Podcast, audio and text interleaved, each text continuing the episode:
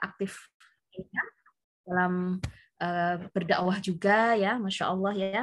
Kemudian bisnis yang uh, beliau geluti ya nanti rahasia ya. ya masih bergelut dengan perempuan-perempuan ini ya masih bergelut dengan sama-sama kita. Nah uh, kemudian juga beliau juga punya produk sendiri juga ya ada yang uh, dihasilkan dari uh, usaha beliau ini. Nah kita manggil ya uh, Sister Yayen silahkan tampakkan. ini bagi teman-teman Sydney mungkin udah gak asing ya, nggak asing nih dengan uh, Sister Yayan. Silakan. Mana sudah? Udah? Ada? Ini. ya. Allah. Ya. Assalamualaikum. Apa kabar, Sister Yayan? Alhamdulillah. Hmm. Ini sudah sudah tampak nggak ini? Kayaknya belum tampak, Yin. Udah belum. tampak ya? Belum ya, sebentar. Ya nanti sambil menunggu ini ya. Oh, ya ini, ini ibu-ibu, insya Allah ya, masih muda kan ya? Yang jelas lebih muda dari saya ini. Tapi masya Allah ya, uh, beliau ini ya, namanya adalah Uhti Yayan. Uh, beliau tadi ya, seperti yang sudah saya sebutkan tadi, mempunyai empat orang anak dan bergelut. Saya pribadi melihatnya sudah cukup bisa dibilang lama juga ya, tapi nanti kita kulik-kulik lah ya. Oke, okay. uh, sebenarnya gini ya, kalau ngomongin bisnis tadi pastinya kan tentunya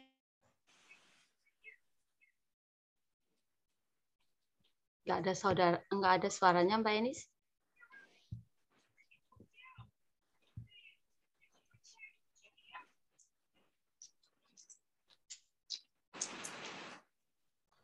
Ada suaranya. Iya, kemut apa Mbak Enis? Uh, mungkin ke gangguan sinyal kalian gimana oh. gimana sih bisa diceritakan gitu awalnya um, saya backup aja deh awalnya tertarik di dunia bisnis ini memang sudah um, apa uh, hobi dari kapan sebelum kuliah atau karena melihat uh, opportunity di Sydney uh, kebetulan apa karena tidak tertarik dengan yang lain karena uh, entrepreneur itu lebih fleksibel bisa diceritakan ya gimana silahkan Ya, ya Ibu-Ibu, insya Allah. Uh, Assalamualaikum warahmatullahi wabarakatuh. Alhamdulillahirrahmanirrahim. Wassalatu wassalamu ala asrafil anbiya wal mursalin wa ala alihi wa ashabihi ajmain. Raditu billahi rabbah wa bil islami dina wa bi Muhammadin nabiyya wa rasulah wa bi zidna ilman wa zidna Alhamdulillah uh, pada hari ini saya diberi amanah uh, untuk apa? Untuk sharing pengalaman ya, untuk sharing pengalaman uh, sebagaimana yang di pertanyaannya diajukan oleh Kak Warsiti tadi itu kalau untuk masalah apa ya untuk ter, eh, terjun di bidang bisnis atau wirausaha gitu ya untuk menjadi seorang pebisnis itu eh, sudah dari kecil gitu ya dari kelas 3 SD itu udah punya jiwa bisnis gitu. Pernah melakukan bisnis juga gitu kan. Gitu. udah ada di blood ya? Terus mengalir. Uh, saat hijrah ke sini gitu ya. Uh, eh, 2010 awal 2010 hijrah ke sini ikut suami terus mulai membisnis lagi mulai menjalin bisnis lagi itu tahun 2011 gitu tahun 2011 uh, 2011 uh, alasannya itu alasannya yang pertama kita tahu ya uh, apa pas lihat situasi di Sydney gitu ya lihat situasi di sini ternyata eh, apalagi di Sydney gitu ya biaya hidup itu eh, sangat mahal gitu ya kalau dibandingkan di eh, state-state Australia lainnya gitu. Nah di situ niat awalnya eh, ingin bantu suami gitu, ingin bantu suami. Terus eh, ngobrol sama suami, suami minta izin, alhamdulillah dikasih lampu hijau, terus dapat uh, itulah ya dapat izin dapat ridho dari suami akhirnya berusaha untuk uh, mencari bisnis terus dari peluang-peluang yang ada uh, fashion itu pilihnya baju-baju apa pakaian muslimah gitu ya pakaian muslimah pakaian muslimah. Karena uh, merasa fashionnya di situ gitu fashionnya di situ. Itu sih uh, Kawar City. Oh, jadi emang dari kecil dari ya, dari kecil udah jualan kali ya? Dijual apa? Coklat, tawarin ke Soalnya uh, latar belakang ya, latar belakang keluarga Yen juga wirausaha gitu. Jadi kalau papa itu keluar kota belanja, biasa dari kelas 3 SD itu udah suka bilang ini, Pak, uh, nanti jangan lupa ya beli something yang unik gitu. Waktu itu mintanya itu uh, ala-ala tulis gitu. Jadi kalau udah beliin pas jam-jam uh, break istirahat tawarin gitu ya ke kelas-kelas gitu tawarin gitu. Itu sih awal mulanya. Terus juga udah dari kecil juga diajarin untuk apa apa yang kamu pengen itu nggak langsung kamu dapat. Kamu harus ada usaha dulu gitu loh. Kamu harus ada usaha dulu kalau uh, mau dapetin sesuatu gitu. Uh, pengalaman juga pengen kulkas dulunya itu pengen, pas SMP tamat SD pengen kulkas beli kulkas siapa oke beli kulkas nanti frozennya itu freezernya itu mau mau buat apa gitu kan gitu ditanya buat apa ya? Ya paling buat buat es lah namanya frozen gitu. Ya udah gitu. Kalau memang mau dibeliin kamu harus ada tanggung jawab untuk uh, apa? Untuk ini untuk menghasilkan gitu loh. Melakukan sesuatu gitu. Akhirnya belajar itu. Belajar cara buat buat es gitu ya. Ntar uh, setelah udah dirasain sama orangnya terus di, uh, ya udah ngelakuin sendiri itu sebelum subuh itu udah bangun udah ya begitulah aktivitasnya ya gitu. Terus sebelum berangkat sekolah dan dititipin ke warung nanti sorenya mulai tuh hitung berapa yang laku begitu. Um, hmm. ya akhirnya pas nyampe ke eh, sampai ke sini hijrah ke sini terus ya itu menjalani bisnis itu lagi. Uh, tapi ngerasa pas melihat peluang yang ada di sini itu uh, kayaknya bagus juga nih fashion uh, apa baju-baju muslimah gitu. Apalagi uh, banyak community Indonesianya gitu apalagi yang juga tinggalnya di daerah uh, community-nya kebanyakan gitu. itu sih awal awal mulanya gitu alasan-alasan. Kembalikan ke kembali. Ya apa nih bu ibu? Kembali lagi. Nah, jadi ini ya apa namanya bisa dikatakan dari kecil ya ya udah ada darah dari Padang ini ya? Yan ya ada darah. Ini dari Padang nih ya. Ada darah-darah uh, pengusaha ada darah-darah bisa bisnis ya dari dari orang tua tadi yang yang masya Allah ya cukup cukup uh, kental juga ya. Jadi uh, kalau uh, apa namanya melihat segala sesuatu uh, apa hal itu ada potensi bisnis masuk aja ke sana gitu ya. Didorong untuk masuk ke sana. Masya Allah ya seperti itu. Nah tadi nih ngomongin ngomongin masalah uh, prospek tadi ya sempat yang tadi kan melihat ada prospek di sini kan Yen. Kalau kita lihat ibu yang di sini pasti udah tahu kalau uh, Yen ini uh, bisnisnya ini kan kepada tadi ya lebih kepada baju uh, produk-produk baju muslimah ya dan dan teman-temannya ini bisa diceritain uh, kenapa atau bagaimana sih prospek ya prospek uh, busana ini atau uh, di, di terutama di Sydney nih ya. Kalau kita lihat kan juga banyak ya kalau terutama di Rakemba nih ya ibu-ibu kan banyak banyak toko-toko juga gitu kan. Gimana nih Yen um, mau mengambil peluang ini gitu kan karena juga ada persaingan juga pastinya seperti itu kan. Iya, apa um, kalau awalnya sih ini Mbak Enis uh, prospeknya itu kalau dilihat di sini gitu ya kalau di sini itu eh, pakaian pakaiannya itu enggak se enggak se apa ya enggak se apa ya bilangnya itu ya modelnya itu enggak sebanyak enggak sekreatif yang ada oh. yang ada di Indonesia gitu. Oh ya betul betul. Seorang orang Indonesia di sini juga masya Allah ya masih cinta cinta produk Indonesia. Cinta produknya. Oh iya. Salah satunya saya nih kayaknya. Ya, gitu. Terus kita juga tahu uh, apa harga-harga baju di sini kan juga lumayan mahal gitu ya, lumayan mahal. Gitu.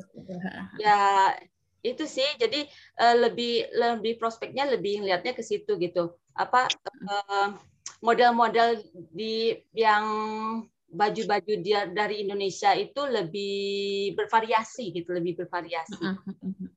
Betul betul ya. Ya memang kalau kita lihat uh, di Indonesia itu kan termasuk salah satu negara apa ya yang bisa dikatakan penghasil tadi ya produk fashion yang buat muslimah itu memang sangat-sangat besar gitu ya. Dilihat dilihat uh, hasilnya, dilihat bagaimana uh, apa namanya tadi ya, kelihat uh, pasarnya itu banyak gitu ya. Konsumennya tuh ternyata juga terus. Jadi makanya kita kalau kita lihat tadi benar ya, yang di sini saya pribadi juga setuju sih ya lebih suka produk produk Indo gitu ya yang harganya juga biasanya kalau di sini beli satu bisa beli banyak gimana terus uh, apa ternyata orang-orang ternyata nggak hanya orang Indonesia aja di sini yang oh, suka dengan iya. produk-produk Indonesia apa uh, produk-produk Indonesia gitu bahkan hmm. um, alhamdulillah ya pelanggan hanya orang Indonesia aja gitu ya yang yang ingin ini ya yang ingin jalani gitu customernya itu gitu dari berbagai dari berbagai dari berbagai negara gitu ya eh, dari India, Bangladesh, terus ada juga Somalia gitu ya, Chinese gitu juga ada gitu, Libanis gitu malah eh, mereka suka gitu dengan dengan apa dengan produk eh, dengan model Indonesia terus bahannya juga bagus gitu kualitinya. Enggak, enggak. Itu rentang rentang kenapa? Tentang harganya biasanya sejauh mana yang kalau misalnya yang paling produk yang paling ini ya bervariasi atau harga tertentu gitu biasanya disukai oleh variasi sih bervariasi. Ya. Hmm, Berarti memang ini ya ini membuktikan bahwasanya memang uh, tidak tidak mengenal merek ya kalau bisa dikatakan ya. Nggak kenal merek juga ya. Kalau produk itu memang kalau kita lihat tadi menjaga bisa menjaga produk itu memang bagus kemudian juga bisa tadi eh, menambah link relasinya yang bisa masuk ke negara lain bahkan ya maksudnya eh, apa negara bukan orang Indonesia aja gitu ya peminatnya gitu masya Allah ya. Nah ngomong-ngomongin soal ini ya kan tadi kita di sini kita Ian Ian tahu juga di sini eh, ada apa ya maksudnya pasar juga banyak ya kemudian juga kalau Ian tahu juga kan Ian tahu juga kalau kita di Indonesia pun juga online ataupun offline kan juga banyak juga yang ramai juga ya. Nah ini kan uh, tentunya persaingan semakin besar ya kemudian juga produk-produknya juga kalau kita lihat kan semakin ya berubah berubah dan berubah. Kemudian juga di sini juga kita tahu ya uh, bisnis itu kan nggak nggak selamanya lancar ya. Pasti ada naik turunnya kemudian juga apalagi sekarang corona nih ya mungkin peminatnya juga Yen uh, apa Yen pasti juga ngalami seperti kalau kita tahu bukan menjadi rahasia umum ya namanya semuanya semuanya terpengaruh lah gitu ya. Nah gimana sih uh, apa namanya untuk uh, Yen sendiri untuk menjaga nih menjaga biar uh, jiwa entrepreneurnya ini nggak luntur gitu ya kemudian bisnisnya tetap jalan. Nah ini kan juga up and down gitu. Gimana sih uh, ya. dari dia sendiri? Uh, untuk menjaga keistiqomahan dalam menjalani bisnis itu uh, Yen ini sih ngikuti mengikuti kelas-kelas bisnis gitu ya hmm. ikuti hmm. kelas bisnis kita tahu ya uh, apa kalau ilmu bisnis itu kan banyak menjelaskan tentang tips and tricks gitu ya lebih ke marketingnya gimana cara gait gait uh, pembeli gitu ya gitu. Lebih uh, itu sih ngikutin ilmu bisnis selain itu juga ngikutin uh, kelas-kelas apa kelas-kelas pikir pikir muamalah gitu pikir muamalah. Hmm. apalagi uh, setelah hijrah ke sini gitu ya udah tahu uh, udah pelajari Islam gitu ya pelajari Islam. Makanya apa uh, udah apa setelah belajar fikih Islam itu ternyata uh, di fikih di fikih muamalah maksudnya di fikih muamalah itu ternyata uh, membicarakan tentang halal haram gitu ya bicara tentang halal haram gitu. Jadi uh, tidak hanya tidak hanya apa ya jadi aktivitas atau perbuatan kita itu bahkan dalam bisnis yang kita jalani itu ternyata sangat sangat ini ya sangat terikat gitu. Jadi di situ oh. uh, untuk menjaga keistiqomahannya itu ya uh, ngikuti bisnis, uh, ilmu kelas-kelas bisnis terus ngikutin kelas-kelas fikih-fikih muamalah itu sih Mbak Enis. Jadi uh, itu yang buat uh, istiqomah apalagi ya buat teman-teman yang pemula gitu ya yang baru mau mulai itu uh, apa jangan ini memang penting banget gitu ya uh, jangan sampai kita tuh action dulu baru ada ilmu gitu. Malah hmm, ya betul. betul. Uh, ya sama sih ya juga awalnya juga action dulu gitu ya tanpa mengetahui ilmunya. Tapi pas setelah setelah tahu oh iya ya ternyata ilmu itu uh, ilmu dulu gitu. Ilmu itu lebih penting gitu ya sebelum kita uh, mengamalkan gitu sebelum kita melakukan gitu. Itu gitu terus berarti ini ya kalau misalnya oh ya silakan lanjut. Uh, apa lagi ya uh, ini apa terus kita kita jadi setelah kita mengikuti fikih fikih apa fikih muamalah itu kita tuh jadi jadi lebih tahu tentang oh, konsep rezeki gitu loh konsep rezeki gitu terus lebih um, masya allah pokoknya buat teman-teman yang pemula itu uh, dua il, uh, jadi nggak hanya ilmu bisnis aja tetapi terutama fikih muamalahnya itu uh, disarankan untuk mengikuti kelas-kelasnya gitu. Allah ya benar ya karena tadi dapatin ya tadi kan memang uh, apalagi ya tadi yang me, namanya usaha pasti kan naik turun ya naik turun. Kalau kita kadang ya gitu ya saya maksudnya pengalaman pribadi juga nih ya Ukti ya gitu ya. Maksudnya ada keinginan besar gitu ya tapi karena memang ya ada beberapa hal sih tadi kalau melihat dari penjelasannya memang ada beberapa hal yang memang harus diperbaiki ya. Memang untuk menjadi seorang entrepreneur itu memang harus ada kalau ibaratnya itu ya persiapan modal itu ya senjata ya tadi ya ilmu terutama ya ilmu iya. bagaimana untuk uh, menambah uh, istilahnya itu kalau kita mau perang itu ya senjatanya itu udah siap gitu ya. Ada senjata ada modal juga gitu. Jadi ketika perang kita nggak akan nggak bisa kita pilih ya. Kalau orang udah terjun ke bisnis itu mindsetnya pasti profit profit profit profit keuntungan keuntungan keuntungan gitu ya. Iya betul itu ya. Betul betul. Nah ini ya kalau tadi ngomongin tadi ya eh, bagaimana uh, apa namanya uh, usaha dari Intigain sendiri untuk menjaga untuk tetap Eh, bisa berada di dalam entrepreneur ini awet gitu ya. Nah sekarang gimana sih melihat tadi kalau komen tadi ada kan marketing kalau kita lihat kan di sini ya tadi kita lihat ada offline juga, ada online juga ya. Dan kemudian juga kita melihat nih kalau uh, di Indo sama di sini ya kan kita juga ini banyak teman-teman dari Indo juga nih. Bisa nggak sih ada nggak sih perbedaan atau sama aja sih terkait marketing bagaimana memasarkan produk-produk seperti misalnya dari yang sendiri ya yang sendiri Eh, secara offline atau online itu seperti apa sih? Ada perbedaan nggak sih marketing yang terkait marketingnya sendiri itu seperti apa? Oke, uh, kalau dalam menjalani bisnis, uh, secara untuk menjalani bisnisnya sendiri di dari hmm. di Indonesia dengan di Australia itu beda banget, Mbak. Gitu. Kalau di hmm. Indonesia kan orang mau ngelakuin usaha itu siapa aja bisa gitu ya tanpa ada peraturan gitu ya gitu. Kalau di sini itu dalam menjalani bisnis itu kita harus uh, ngikuti ngikuti rule gitu. Ada ada peraturannya gitu ada peraturannya. Jadi nggak nggak nggak nggak sembarangan gitu. Kalau kalau dari yang pernah yang ikuti gitu ya kelas-kelas ilmu kelas-kelas yang pernah yang ikuti gitu uh, di sini itu uh, ini apa kalau untuk kalau kita bisnisnya hanya untuk di community gitu ya kalau hanya untuk di grup-grup aja itu itu uh, mas apa aman gitu ya. Masih masih aman lah masih aman. Tetapi kalau kita sudah sudah menampilkan ke media sosial gitu ya ke media sosial yang ya oh, online tadi gitu ya online itu itu akan akan ke watching gitu loh. Jadi akan ke watching itu uh, bahkan di sini itu pengalaman itu ya uh, kan kalau bisnis uh, pasti kan kan over, uh, dari dari Indonesia kan barang-barangnya. Oh ya, uh, ngirimin barang gitu ya. Nah, nah itu itu akan akan akan ke record gitu loh. Uh, berapa seringnya paket kita paket kita itu datang gitu.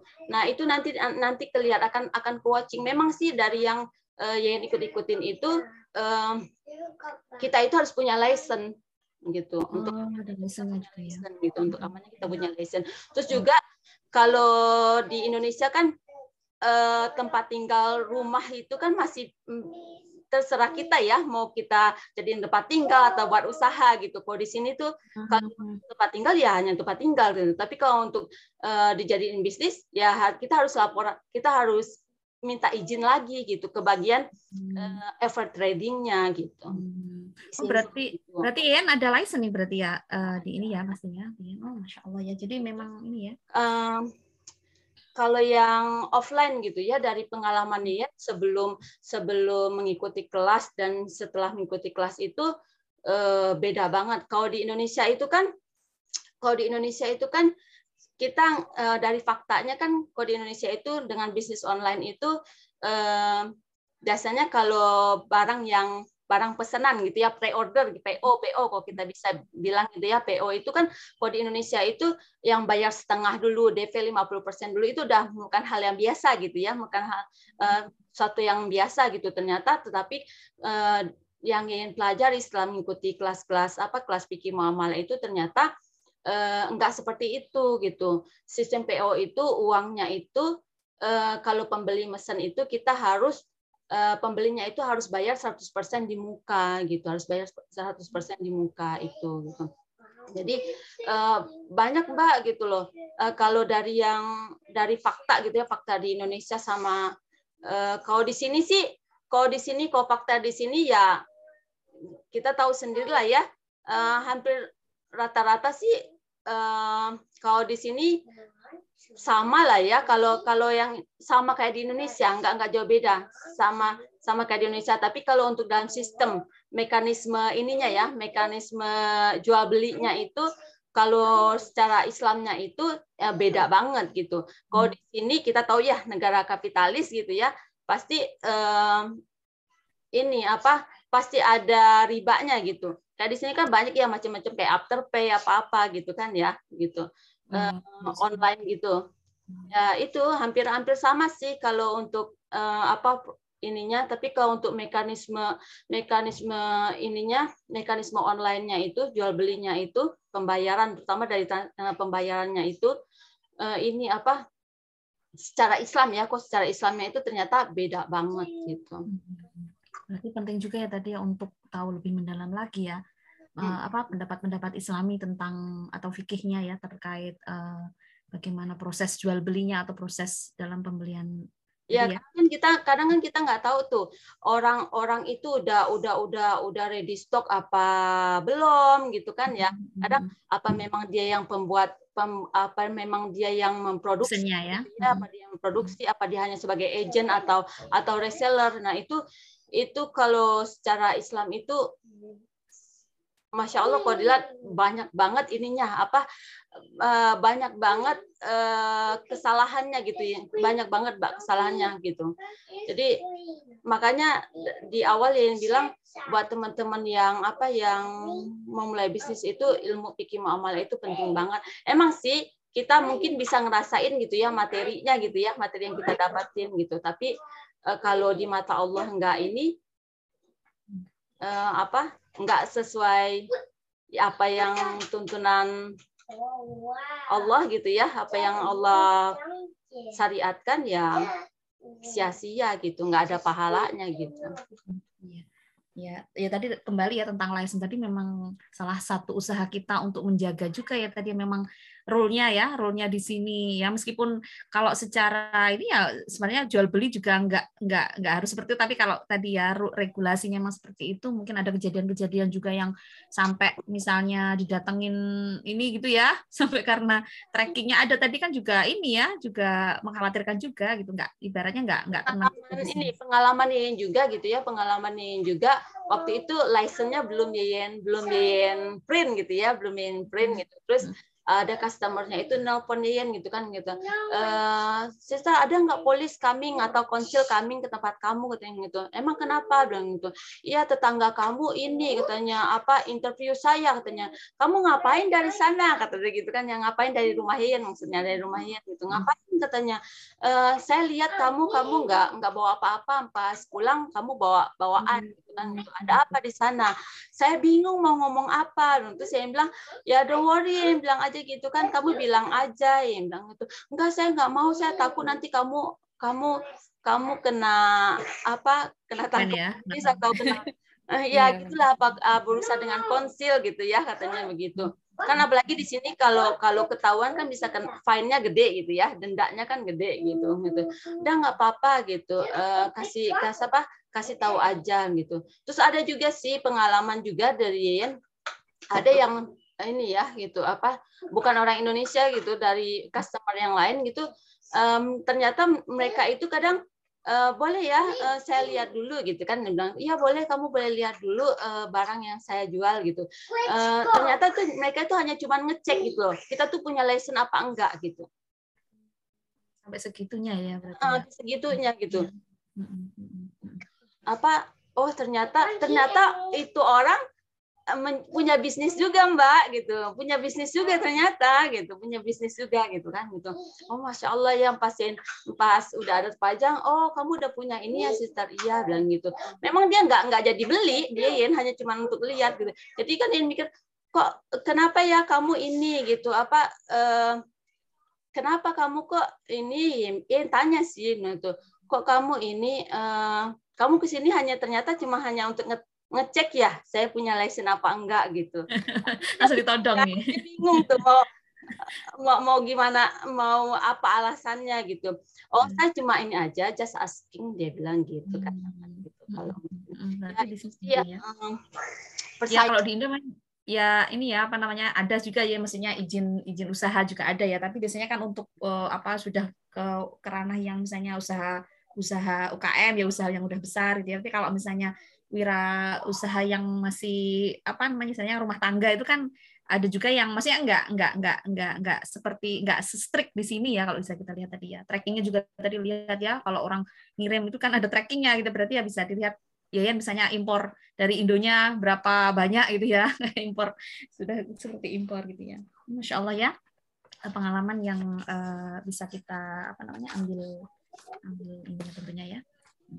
Nah tadi ya kalau ngomongin tadi dari awal ya namanya bisnis ya. Kita ini uh, perempuan ini kan kalau ngomongin apa namanya bisnis ini kan tentunya kan tujuan kita menjadi seorang entrepreneur kan malah salah satunya adalah salah satu yang paling besar ya. Pasti kan ingin dapat untung nih ya. Tadi ngomongin untung ngomongin keuntung tadi ngomongin profit gitu ya. Untung untung dan untung ini. Nah tentunya di sini kita kan sebagai muslimah nih sebagai seorang muslim itu ya. Uh, apa mendapatkan keuntungan ini kan tentunya kan kita pastinya akan terikat sama halal haram nih ya halal haram dan juga kita pengennya kan uh, usaha kita ya eh, menjadi seorang entrepreneur sejati ini itu tuh mendapatkan eh, selain untung dan juga adalah keberkahan. Nah, dari uh, sendiri seperti apa sih memandang profit dan keberkahan ini ya menjadi seorang entrepreneur itu seperti apa? Ya, ini ya Pak, kita sebagai seorang Muslim, apalagi menjalani bisnis ya pastinya kita sesuai syariat ya harus sesuai syariat gitu, sesuai syariat. Terus juga kita harus tahu eh, ternyata menjalin bisnis itu eh, tidak hanya tidak hanya berbicara untung rugi gitu, tetapi eh, surga neraka gitu. Jadi eh, bisnis yang kita jalani itu menentukan tujuan hidup kita gitu ya, menentukan menentukan tujuan hidup kita apa? Menentukan tujuan hidup kita. Apakah bisnis yang kita jalani ini itu eh, menuntun kita ke surga atau malah menjerumus kita ke, ke neraka gitu. Terus hmm. apa? ya itu itu tadi ya gitu harus sesuai dengan syariat Allah apalagi Rasulullah gitu ya Nabi SAW itu uh, sudah memberi warning gitu ya sudah memberi warning kepada kita uh, akan datang suatu masa di mana manusia itu tidak peduli lagi uh, apa uh, cara mereka mendapatkan ini ya cara mereka menjalani bisnis cara mereka untuk mendapatkan materi gitu ya baik itu halal atau dengan cara yang dengan cara yang haram gitu. Terus apa uh, untuk men, ya kita pasti ya awalnya ya pastinya untuk uh, kebarokahan ya Mbak gitu untuk kebarokahan. Apalagi kita tahu ya uh, barokah itu kan uh, bertambahnya kebaikan gitu ya bertambahnya kebaikan bertambahnya uh, ketaatan kita kepada Allah Subhanahu taala. Apalagi uh, dalam bisnis ini kan ya itu tadi ya materi-materi harta gitu ya uang-uang gitu ya gitu uang gitu. Uh, ya balik lagi gitu Eh, kita sebagai seorang muslim kita bisa apa kita perlu tahu harta yang Allah titipkan ke kita gitu ya dari ya bisnis kita jalani kan pasti keuntungan profit materi gitu ya harta yang kita dapat uang gitu. Eh, itu kan termasuk harta ya gitu kan. Harta yang kita dapati itu eh, ada dua makna berarti kan di, di, di, diberikan oleh Allah gitu ya gitu ya. Diberikan oleh Allah apakah eh, apakah Allah itu apa apakah dengan Allah memberikan kita harta itu menambah ketaatan kita kepada Allah gitu ya, mendapatkan keridhaan Allah atau kita malah uh, ini gitu, malah menguji kita atau istidroj gitu ya atau istidroj hmm. gitu. Ya, itu tadi yang kalau nggak kalau nggak sesuai syariat ya yang ada kita malah uh, kena azab nantinya ya gitu ya. Dan, apa uh, mendapat mendapat azab dari dari Allah Subhanahu taala gitu. Hmm. Terus uh, ya itu sih Mbak uh, apa yang itu sih kebarukan apalagi terus kita juga tahu ya kenapa uh, apa kita jalani harus sesuai syariat gitu ya tadi untuk selain mendapat kebarokahan gitu. Uh, kita juga tahu ya apa yang kita lakukan itu kan uh, merupakan uh, merupakan uh, suatu ibadah gitu kan. Kita juga tahu dari yang uh, tujuan Allah tujuan Allah uh, apa menciptakan kita ke dunia ini kan uh, ada ada ada apa? Ada aturannya gitu ya. Ada aturannya ada ada larangannya ada perintahnya gitu. Dan kita juga harus tahu uh, ya bekal bekal kita di apa kita hidup di dunia ini buat kita untuk mengumpulkan be, uh, mengumpulkan bekal pahala amalan gitu ya. Jangan sampai bisnis yang kita jalani ini ya itu tadi gitu. Malah pasti di hari penghisapannya itu kita menjadi orang-orang yang kita menjadi orang yang bangkrut gitu ya.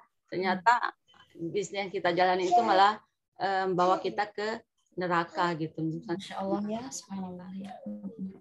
Jadi memang ini ya kalau bisa kalau boleh dibilang ngitung-ngitungnya jangan hanya ngitung-ngitung profit dunia ya. Tapi nggak ada profit akhirnya ini gimana gitu ya. Jadi eh, apa namanya kalau seperti yang Uti bilang tadi jadi nggak nggak memang fokusnya nggak hanya untung untung untung uh, tapi memang juga ada keberkahan dengan tadi ya menjadi seorang entrepreneur tapi ada ada ada ada title di belakangnya ya TTS gitu ya tapi taat syariat gitu ya. Sebenarnya TTS yang tapi taat syariat. Masya Allah ya menarik sekali ya banyak uh, hal yang uh, bisa kita ambil dari tadi ya dari bincang-bincang kita sama Putih ya Insya Allah nanti kita kulik-kulik lagi dan mungkin ada teman-teman nanti yang mau share atau mau tanya ya terkait pengalaman uh, tadi di dunia entrepreneur ini. Nah tentunya teman-teman ini ya uh, kita juga pengen melihat nih tadi ya uh, juga udah nyinggung tadi tentang kalau menjadi seorang entrepreneur yang sesungguhnya sebagai seorang muslim ataupun muslimah adalah harus tentunya taat syariat. Nah, ini kita akan uh, ngobrolin tentang bagaimana sih ya Islam ataupun syariat Islam memandang entrepreneur yang sesungguhnya itu seperti apa ya, hukum-hukumnya seperti apa nanti insya Allah kita akan datangkan uh, tamu kita yang kedua ya, tamu dari CVC. Uh, Ukti Hazimah, Ustazah Hazimah. Assalamualaikum Ustazah Hazimah.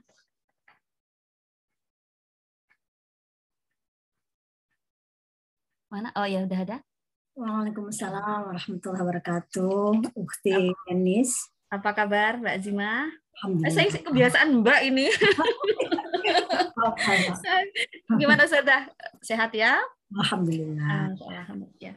Ya kita menarik sekali ya hari ini eh, share pengalaman dari Uhti Yayan yang luar biasa ya dari apa namanya uh, memerintis bisnis ya, merintis bisnis menjadi seorang entrepreneur yang kemudian juga nggak hanya uh, apa tadi bilangnya profitnya hanya dunia-dunia tapi juga masya Allah ya tentang ternyata juga aware juga dengan masalah akhiratnya gitu ya. Ternyata juga ngitung-ngitung ya, ngitung akhirat juga gitu ya, aware juga dengan. Nah, ini gimana sih Uh, kalau kita boleh bilang dari tinjauan fikihnya ya terkait entrepreneur ini, tentunya teman-teman di sini juga pengen tahu nih lebih mendalam ya, uh, seperti apa sih uh, Ustazah Hazimah kita melihatnya? Uh, ya terima kasih ya. Assalamualaikum warahmatullahi wabarakatuh. Uh, saya ingin menyapa dulu nih uh, teman-teman Civis A semuanya apa kabar? Semoga sehat walafiat, semoga semuanya tetap semangat ya menuntut ilmu. Meskipun di Sydney sekarang cuacanya diselimuti oleh mendung dan dingin ya. Semoga ya suasana juga tidak menjadikan kita menjadi dingin juga ya. Jadi uh, tetap semangat uh, uh, seperti tadi ya, Ukti Yayan, saya salut sekali ketika tadi disampaikan oleh beliau bahwa memang uh, ternyata emang ini suatu ungkapan yang luar biasa banget bahwa bisnis itu bukan sekedar masalah untung rugi ya, tapi juga yang terpenting lagi adalah masalah surga neraka. Masya Allah, ini luar biasa sekali. Harusnya ini juga menjadi pegangan ya, menjadi prinsip buat kita semua. Ya apa pun yang kita jalankan itu ya bukan hanya sekedar, ya, bukan, maksudnya bukan hanya masalah bisnis ya, tapi juga semua aktivitas kita. Apa pun itu, mesti kita juga punya prinsip sama. Ini bukan hanya masalah misalnya mendidik anak atau misalnya mendidik istri, tapi ini juga ada masalah surga neraka, nah gitu, masya Allah. Makanya berarti menunjukkan suatu akidah yang luar biasa gitu ya. Nah, maka tadi emang benar sekali yang sampai oleh Ukti Yayan ya, bahwa memang uh, sebagai bentuk dari ketaatan kita kepada Allah ya, Ini kan tadi kan uh, Miss Entrepreneur ya, Miss Entrepreneur yang tak syariah kan ya. Nah, sebagai salah satu bentuk dari ketaatan kita kepada Allah adalah maka apa pun aktivitas kita, perbuatan kita, semua itu harus kita apa namanya harus kita uh, kembalikan kepada syariat ya, kita kepada kepada Al-Quran dan Sunnah kepada Allah Subhanahu Wa Taala. Begitupun dalam berbisnis gitu. Hal pertama yang harus kita pahami dan kita lakukan yang yang kita harus uh, cari tahu adalah pertama adalah apakah bisnis yang kita lakukan itu adalah bisnis yang halal atau haram gitu ya dari, dari, dari mana kategori kita mengatakan bisnis itu halal atau haram? Yang pertama bisa dilihat dari produknya. Apa produk yang kita jual? Apakah produk yang kita jual itu adalah produk yang haram atau produk yang halal gitu? Atau apakah produk tersebut produk yang bisa mengantarkan kepada kemaksiatan kepada Allah atau produk yang justru akan mengantarkan kepada ketaatan kepada Allah Subhanahu wa taala. Nah, yang ketiga, yang kedua kemudian adalah um, bagaimana kemudian uh, apa namanya aktivitas bisnis kita itu ada mengandung unsur riba enggak di situ ya mengandung unsur riba enggak mengandung unsur apa horor enggak mengandung unsur judi enggak di dalamnya gitu. Nah maka itu juga harus kita perhatikan. Baik dari sisi jenis aktivitas produk eh, apa namanya aktivitas dari bisnis tersebut ya maupun segala macam mekanismenya gitu. Nah kemudian yang ketiga adalah yang juga mesti jadi patokan kita adalah bagaimana sistem ya sistem kita itu dalam menjalankan aktivitas aktivitas bisnis tersebut mulai dari apa? Mulai dari semuanya. Mulai dari yang pertama adalah uh, dari sisi permodalannya ya permodalannya bagaimana. Yang kedua dari sisi operasionalnya gitu operasionalnya. Kalau misalnya bisnisnya adalah bisnis dalam jual beli misalnya dagang gitu loh kan ya maka bagaimana operasional dalam jual beli atau dagang tersebut gitu karena Islam itu ternyata adalah agama yang syamil, kamil ya, agama yang sempurna, yang lengkap dan dia mengatur semua aspek kehidupan, termasuk juga dalam aspek jual beli, ya dagang gitu ya. Nah makanya juga seperti diperhatikan gitu. Kalau kita lihat pertama adalah tadi um, produknya gitu ya. Nah, kita harus memahami mana produk-produk yang halal, mana produk-produk yang haram gitu ya. Berarti kalau kita menjual pakaian, ya diupayakan bahwa pakaian yang kita jual adalah pakaian yang syar'i, pakaian yang bisa mengantarkan, orang kepada ketaatan kepada Allah gitu. Uh, kemudian juga kalau misalnya produknya produk makanan, berarti produk makanan yang kita jual adalah makanan yang halal atau iban gitu ya, bukan makanan yang masih uh, diragukan kehalalannya gitu. Ini bisa masalah produk yang mungkin teman-teman semua cukup paham ya bahwa produk itu harus produk yang halal yang. Yang kedua adalah permodalannya gitu ya. Bagaimana permodalannya? Kalau misalnya per, uh, bisnis itu dilakukan secara individu, no problem, nggak ada masalah ya, karena hanya menyangkut diri kita pribadi aja. Kalau kita punya uang, ya sudah kita tinggal menjalankan bisnis dengan uang kita sendiri, kita nggak ada berbuat sama orang lain. Tetapi kalau kita nggak punya modal atau kita ingin mencari modal yang lebih banyak lagi, biasanya kan ada dua jalan tempuh ya, dua jalan yang bisa tempuh untuk uh, mencari modal. Yang pertama adalah dengan jalan pinjaman. Tapi zaman sekarang gini loh ya. Zaman sekarang gini itu siapa sih orang yang mau pinjamin duit buat uh, apa namanya buat uh, kasih modal gitu usaha gitu ya. Kalau nggak ada pakai imbalan gitu kan. Orang pasti maunya itu ada imbalan gitu kan ya. Makanya kalau kita mau cari dana atau modal dengan jalan pinjam uang itu kayaknya itu impossible gitu loh ya karena orang pasti inginnya cari ada Eh, kompensasi. Sebenarnya kita memahami tadi ya, seperti tadi yang Usian sampaikan bahwa al ilmu qabla amal gitu. Jadi ilmu dulu baru amal. Kalau kita uh, meminjam uang, berarti pinjam uang itu ya hukumnya uh, hukumnya adalah adalah hukum pinjam meminjam. Tidak ada tambahan karena setiap tambahan itu adalah riba. Makanya kita uh, betul-betul kalau ada orang tulus ikhlas ridho memberikan pinjaman modal itu masya Allah luar biasa banget kebaikannya karena kita tidak, tidak boleh memberikan tambahan. Kalau kita berikan tambahan, meskipun ikhlas nilai ta'ala memberikan tambahan itu, hmm. tapi tetap, tetap akan terhitung, terhitung sebagai riba. Dan itu dosa besar. Gitu ya. Nah, yang kedua adalah dengan syirkah, partnership, kerjasama. Nah, ini kalau kita nggak punya modal tadi ya, kita cari orang lain itu bisa uh, membantu kita permodalan, berarti bisa dengan jalan syirkah. Nah, maka syirkah ini pun kita harus belajar. Ada syirkahnya itu dengan syirkah mudoroba, ada syirkah mainan, ada syirkah uh, misalnya lagi uh, sedang abdan gitu ya dan dan sebagainya. Oleh karena itu harus jelas juga apa itu syirka mudoroba, apa itu syirka abdan, apa itu syirka inan gitu kan. Supaya kita itu juga bisa benar dalam pelaksanaan uh, hukum syarat tentang syirkah tersebut. Hmm. Kenapa? Karena kalau misalnya kita menjalankan bisnis tersebut dengan jalan dengan cara sudah Allah dan Rasulnya perintahkan, maka inilah yang dikatakan dengan bisnis yang barokah tadi ya, usaha yang barokah tadi. Jadi entrepreneur yang tetap tetap taat kepada syariah sehingga apa pun kondisinya mau kondisi kita beruntungkah atau merugikah ya profit or loss yang kita dapetin kalau kita mulai prosesnya dari awal sampai kita berlanjut itu semuanya sesuai dengan ketentuan syariah maka semua itu tetap tentu sebagai amal soleh tentu sebagai ibadah gitu loh. Meskipun tidak mendatangkan uh, uh, keuntungan atau rugi gitu misalnya usahanya tapi meskipun secara finansialnya rugi tetapi secara selama ini waktu yang kita habiskan tenaga yang kita habiskan semua itu tentu sebagai uh, amal sholat ibadah gitu. Hmm. Lalu kemudian nanti setelah itu baru beranjak kepada sistematikanya. Ya, tadi jual beli tadi. Kalau misalnya tadi waktu ya menyampaikan uh, dengan online ya, karena kan uh, barang-barang dari Indonesia misalnya harus tahu juga bagaimana Isa mengatur jual beli secara online gitu loh karena nanti ada sistemnya dengan cara apakah dengan cara salam kah misalnya apakah dengan cara uh, sebagai agent kah misalnya ya atau bisa apa sekarang bahasanya apa reseller misalnya begitu ya reseller. Uh, reseller ya apa seperti itu. Nah itu semua juga ada aturannya gitu. Jadi nggak bisa kita itu uh, apa namanya asal uh, asal praktek aja. Eh tahu tahunya ternyata itu bisa melanggar hukum syara nah itu kan sayang banget sia-sia kita malah jatuh dosa gitu. Loh karena melakukan suatu perbuatan yang tidak mengikuti aturan sudah ditetapkan oleh syariat Islam Mungkin seperti itu kali uh, Ukti Enis, Mbak Enis. Masya Allah ya, uh, kita bisa melihat bagaimana Islam begitu detailnya ya. Tadi yang disampaikan Mbak Azimah ini daging-daging daging-daging atau poin-poinnya gitu ya kalau kita jabarin atau kita kulik-kulik sampai mendalam mungkin berapa puluh SKS ya Mbak Azimah ya tadi ya dari bab Ada. produk halal haramnya gitu ya. 6 semester bisa 6 semester. Oh, Masya Allah ya. Masya Allah ya. Jadi uh, Masya Allah ya kita melihat semakin bangga tentunya kita terhadap Islam uh, di dalam Islam sendiri sudah begitu detailnya untuk menjaga kita ya agar kita mendapatkan keberkahan kalau misalnya tertarik dengan dunia entrepreneur pun uh, rule-nya itu ada gitu ya uh, guide-nya itu ada. Tinggal kita nih mau mau ngambil yang mana, mau ngambil yang mudah-mudahan. Tapi tadi ya, kalau yang bilang tidak hanya sama tentang profit tadi ya, seperti yang bilang nggak ada tentang profit untung rugi, tapi tentang surga dan neraka. Nih mau masuk ke mana nih nanti ya?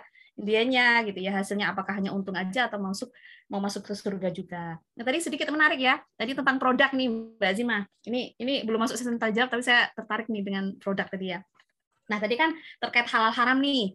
Kalau misalnya jual belinya tadi kan lebih kepada jual baju-baju yang muslimah gitu ya, baju-baju yang uh, kalau hmm. ibaratnya kita jual tuh ya udah dijual pasti kan dipakainya itu nggak nggak akan melanggar karena ini. Nah ini gimana dengan produk-produk yang uh, bisa katakan private ya untuk kita di kondisi private nih, kondisi private gitu ya. Kita kan misalnya dengan suami ya baju-baju yang dipakai di dalam rumah nih. Nah itu seperti apa?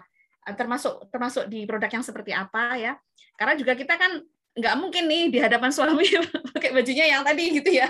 Ini terlintas nih, terlintas nih, menarik ini. Seperti apa ini? Ya ini uh, agak pelik ya kita kalau hmm. melihat fakta seperti ini dan agak pelik juga untuk menjawabnya gitu. Karena memang iya ya. Kita kembali kepada prinsip uh, ingin entrepreneur kita ingin entrepreneur dan juga menjadi ladang amal ibadah buat kita. Hmm. Memang sih tricky juga. Kita ingin berdagang itu ya memang cukup tricky juga kalau kita barang-barang kita sebenarnya barang-barang yang halal ya dari sisi bisa pakaian. Pakaian itu dari sisi zat pakaiannya ya. Dari sisi zat pakaiannya itu selagi pakaian tersebut adalah berasal dari sumber-sumber bahan-bahannya itu bahan-bahan yang halal maka zat pakaian itu udah halal gitu loh. Nah, hmm. ketika zat pakaian halal berarti boleh diperjualbelikan. Hanya saja sekarang itu juga selain dari zat pakaiannya juga dari sisi model gitu kan ya. Hmm. Jadi sekarang ya model gitu. Misalnya apalagi kalau di Australia kan ada yang pakai musim panas, musim dingin ya, ada kadang musim gitu kan ya. Nah ini trikinya bagi kita sebagai seorang muslim adalah bahwa uh, apa namanya kalau kita uh, berprinsip kepada ingin berpegang teguh gitu karena kepada uh, Al-Qur'an Sunnah tentu kita sedapat mungkin ya sedapat mungkin ya. Itu memang betul-betul uh, menjual pakaian-pakaian yang memang jelas itu fungsinya itu adalah untuk apa Kalau misalnya tadi uh, pakaian taat ya pakaian syar, pakaian syar'i berarti untuk syar'i rumah. Maka ketika kita menjual barang seperti itu, insya Allah itu menjadi wasilah gitu loh, menjadi wasilah kepada ketaatan. Maka insya Allah kita akan mendapatkan additional pahala gitu loh, karena kita menjadi uh, jalan bagi orang untuk bertaat kepada Allah Subhanahu Wa Taala. Begitupun kalau kita menjadi wasilah untuk suatu keharaman, maka menjadi haram juga. Al wasilatu ilal haram haramun wasilah yang mengantarkan kepada keharaman maka juga haram hukumnya begitu.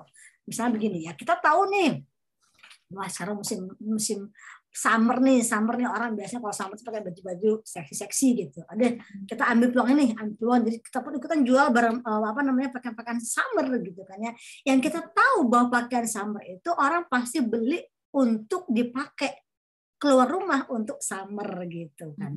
Nah, kalau kita udah tahu bahwa ini barang bakal dibeli oleh orang-orang untuk memakainya keluar rumah. Perempuan-perempuan memakai keluar rumah dengan pakaian summer kita sudah tahu sudah sudah zone kita sudah menunjukkan itu bakal dibeli oleh orang untuk dipakai keluar rumah menampakkan aurat. Berarti kita ikut menjadi wasilah menuju pada keharaman. Dan aktivitas kita ketika itu pun menjadi haram juga gitu. Loh tapi kalau kita memang yakin misalnya misalnya yang beli misalnya kita ada nih jual barang-barang uh, pakaian-pakaian terbuka gitu kan. Karena kan kita juga butuh kali ya misalnya uh, berpenampilan cantik di depan suami. Mungkin kita apakah memakai pakaian-pakaian seksi itu haram? Tidak haram asalkan digunakan atau dipakai yang pertama di depan suami gitu kan ya. Udah gitu di rumahnya gitu, di depan suami, di rumahnya, bukan di depan orang asing itu boleh. Boleh kita jual seperti itu, tapi kita juga harus tahu ini kita menjualnya itu tepat nggak momennya, tepat nggak uh, customernya gitu makanya. Kalau misalnya kita yakin gitu bahwa yang beli ini dia nggak bakal dipakai keluar rumah nih gitu misalnya, ya itu boleh saja kita jual gitu. Misalnya nih uh, yang beli adalah uh, orang-orang berkerudung-kerudung syar'i yang berpakaian syar'i, membeli pakaian-pakaian yang apa namanya yang begitu ya yang dua jari itu lah eh hati-hati dua jari dua lagi nih. Yang dua jari di sini gitu maksudnya ya. Yeah. seperti itu gitu misalnya. Tapi yang beli adalah uh, ahad-ahad misalnya atau orang-orang yang memang sudah uh, memahami gitu kan ya, hukum syariat. Jadi dia membeli itu pasti dia nggak akan pakai keluar rumah. Mungkin daripada bahasa suaminya maka itu boleh gitu ya. Hmm. makanya ya memang harus hati-hati gitu ya uh, kalau saya pribadi mungkin ya seandainya if I were Yen Yen gitu misalnya ya mungkin saya hmm. akan lebih memilih apa namanya ya seperti Ena gitu ya menjual pakaian-pakaian yang udah jelas fungsinya itu ya untuk uh, apa namanya tidak akan dipakai untuk maksiat gitu ya meskipun hmm. misalnya jual jual uh, pakaian-pakaian rumah misalnya atau misalnya jual pakaian-pakaian dalam ya misalnya jual legging misalnya kan di rumah hmm. atau apa itu memang kita udah jelas customernya ke siapa ini nggak akan bakal dipakai orang-orang yang untuk keluar rumah gitu ya. Oh ya baju you can see ya, you can see me. ya ya tahu nih. You can see private thing. Hanya kepada kepada uh, suami kita saja kita perbolehkan gitu. Mereka begitu. Jadi harus smart juga ya terkait produk tadi kalau memang uh, bisa dikatakan aman ya. Tadi mencari harus aman juga kita nggak nggak uh, apa namanya nggak nggak ada potensi untuk malah justru malah menjerumuskan orang lain atau kita udah tahu tadi ya ada sangkaan maksudnya kita melihat ada potensi untuk malah justru menambah bukan menambah ketaatan ya malah malah ini malah justru malah kita nggak jadi berkah ya tadi ya Insya Allah. Mbak Enis nambahin ya. Boleh boleh boleh pengalaman itu customernya itu malah nanya Yen kan lagi model ini loh lagi model atas bawah tunik tunik bawahan atasan bawahan gitu gitu ya. Oh iya ya nggak jual? gitu. Kenapa nggak jual? Kan lagi ini nih gitu. Ya di situlah uh, uh, kita ujiannya ya kali ya. Akan ya masih akan apa uh, mendakwahi mereka gitu. Masya Allah ya betul Iya ya memang lagi rame juga ya tunik-tunik. Kalau kita lihat seliweran ya ini orang yang suka lihat di Instagram itu terutama ya. Emang lagi masya Allah ya ini cobaan bagi yang ini maksud dan juga tadi ya betul juga untuk seorang entrepreneur muslimah yang sejati tadi ya ketika ada itu kan peluang juga kalau bisa kita lihat ya peluang untuk wah kenapa enggak nih? Kenapa kan juga ini? Tapi ingat kembali ya yang memang harus apalagi mungkin kalau nggak mungkin juga tunik itu dipakai di rumah kan nggak mungkin ya. Di rumah pakai tunik itu juga pakaian keluar gitu. Tujuannya juga untuk keluar rumah ya masya Allah ya. Eh, ini sekali. Uh, mungkin ini aja ya kita biar lebih rame nih kita undang teman-teman yang lain. Barangkali ada yang mau apa namanya mau tanya-tanya apa mau sharing ini ya. Ada dua uh, tamu kita hari ini ya. Kita masuk ke session terakhir kayaknya nih ya nanti sambil mungkin ada tambahan-tambahan monggo nanti silahkan disampaikan dari uh, masing-masing tamu bicara silakan kepada uh, Sister Villa teman-teman sahabat Cities E yang mau yang keris nih yang mau tanya nih pengen pengen uh, apa namanya ngulik-ngulik tentang entrepreneur nih pada dua narasumber kita hari ini. Monggo, silahkan. Kita lihat di chat ya, mungkin ada. Oh, masya Allah ini ada testimoni nih, testimoni ini ada testimoni dari Umu Syifa ya dan Mbak Ani ya. Baju-baju saya yang terbanyak dari Mbak Yeyen karena kualitasnya bagus dan pasti saya eh, bagi saya itu is the best, masya Allah ya produk Indo. Pernah saya beli dari sini gampang robek dan nggak bagus ceritanya masya allah. Ya ini ini jadi tambah semangat nih untuk uh, Uti Yayan ya.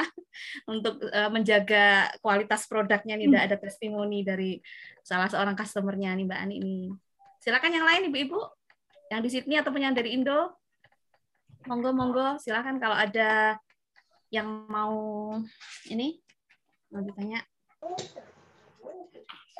Assalamualaikum, mau tanya Mbak Anies. Oh, Waalaikumsalam. Ini kayak suaranya kayaknya Mbak Nita. Iya. Maafkan suaraku yang serak-serak basah. Nah, tapi aku masih bisa mengenalmu. nah, silakan, silakan. Ya, Assalamualaikum warahmatullahi wabarakatuh. Waalaikumsalam warahmatullahi wabarakatuh. Hmm. Iya, ini aku ada pertanyaan ini terkait uh, ini ada menarik dari apa yang penjelasan dari Mbak Hazimah tadi ya tentang uh, apa yang harus dijual oleh sang penjual dan target customernya gitu ya. Uh, emang uh, emang benar kita emang secara secara peraturannya emang kita sebagai seorang muslim ya tentu saja untuk apa ya menjual baju-baju yang memang harus uh, syariat gitu sesuai dengan Islam menutupi seperti kami segala macam.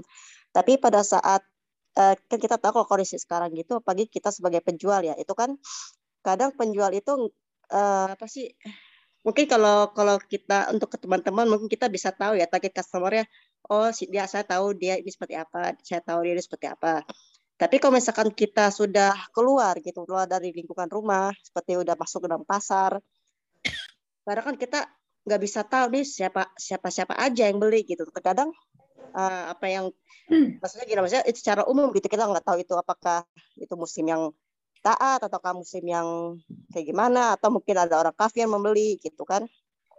Dan terkadang kan kita untuk menjual pakaian itu kan kadang nggak cuma hanya gamis saja kita seperti butuh juga pakaian dalam seperti maaf kayak BH CD gitu kan dan juga bagian apa ya pakaian dalaman seperti home dress gitu untuk di rumah gitu yang yang istilahnya yang nggak menutup aurat gitu kan.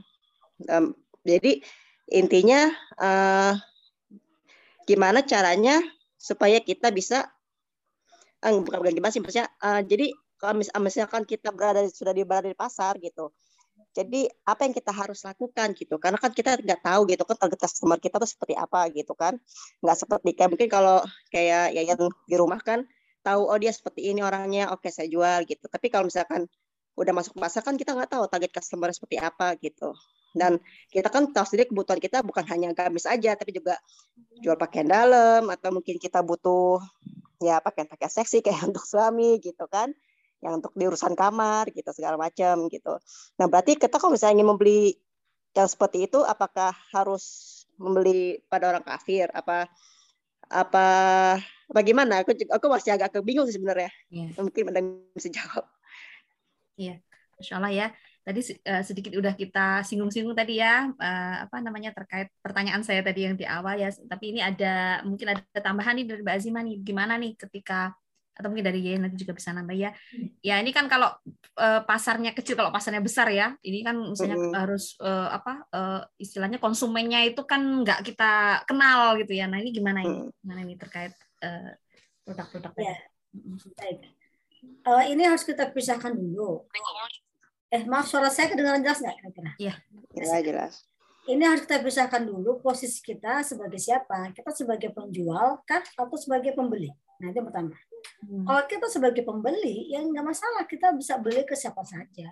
Mau bahkan mau belanja kepada orang kafir pun nggak masalah gitu. Yang penting barang yang kita beli adalah barang yang halal ya, barang yang uh, tidak tidak haram. Misalnya kita beli jaket, jaketnya kulitnya kulit apa? Apakah kulit uh, BABI atau kulitnya kulit uh, barang apa hewan-hewan yang Ma- Maksud saya sebagai penjual, Mbak Azima. Oh, Oh, sebagai penjual. jelas ya clear?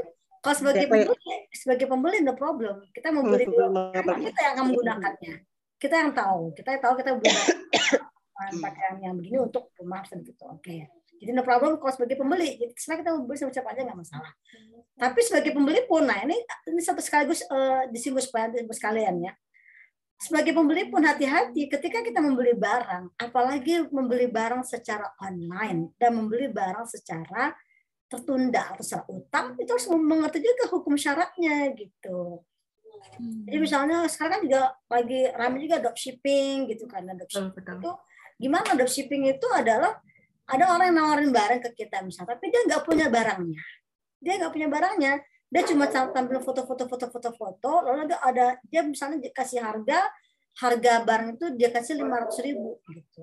Nah kemudian misalnya pakaiannya, pakaian bagus bisa begitu. Jadi dia misalnya terjadi oleh ada pembeli misalnya A, A membeli barangnya si eh, A membeli barang si B sebagai dropshipper tadi. Lalu A membayar kepada si B 500 ribu.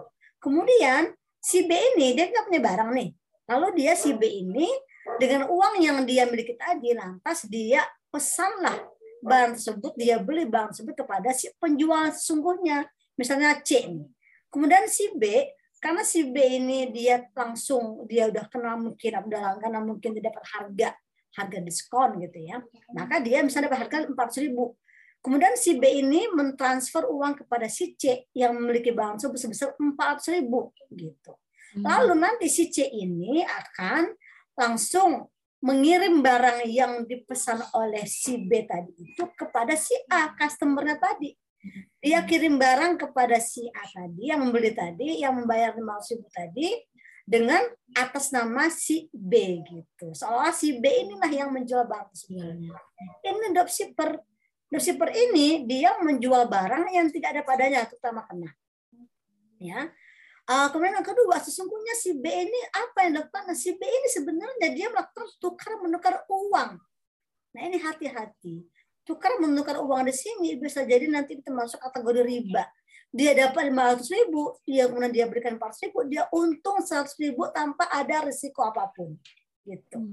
Nah ini ini haram seperti ini ya. Maka teman-teman kalau sebagai penjual, apalagi jual beli online, jangan menjadi dropshipper seperti itu. Itu haram kita udah situ ada dua kemungkinan dosa kita sama. Yang pertama kita menjual barang yang tidak kita miliki.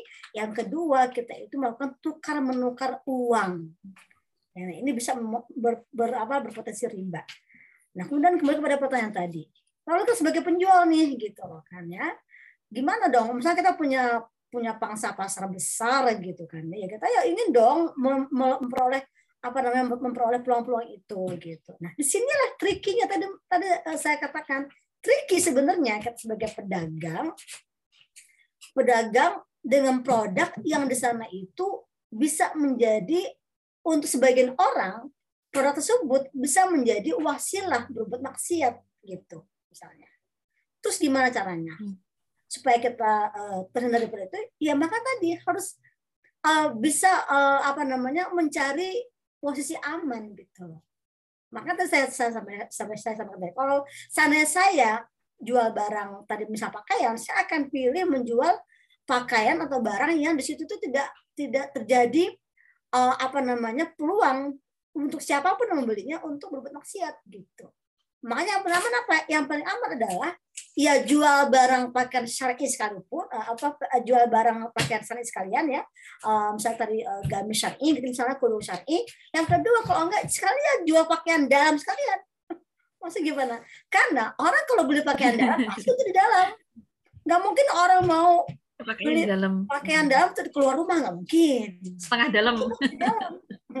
Kecuali pakaian dalam bikini-bikini ala-ala uh, apa ala ala barat yang memang dia pakai keluar rumah gitu loh. Kan ada kan misalnya dia ke pantai pakai pakaian bikini bikini yang cantik yang memang didesain didesain untuk keluar rumah begitu ya. Kita jangan jual pakaian seperti itu betul-betul jual pakaian dalam sekalian.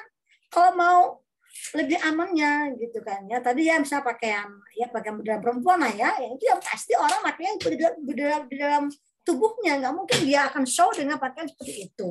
Nah gitu misalnya Nah, kalau beli pakaian pakaian misalnya beli pakaian baju kaos yang memang bagus gitu misalnya memang itu berpeluang untuk pakai rumah misalnya atau baju uh, kemeja misalnya atau rok-rok yang rok-roknya misalnya cantik misalnya ya gitu kan atau celana jeans yang yang cantik yang kemungkinan itu ada kemungkinan orang akan pakai ke rumah gitu.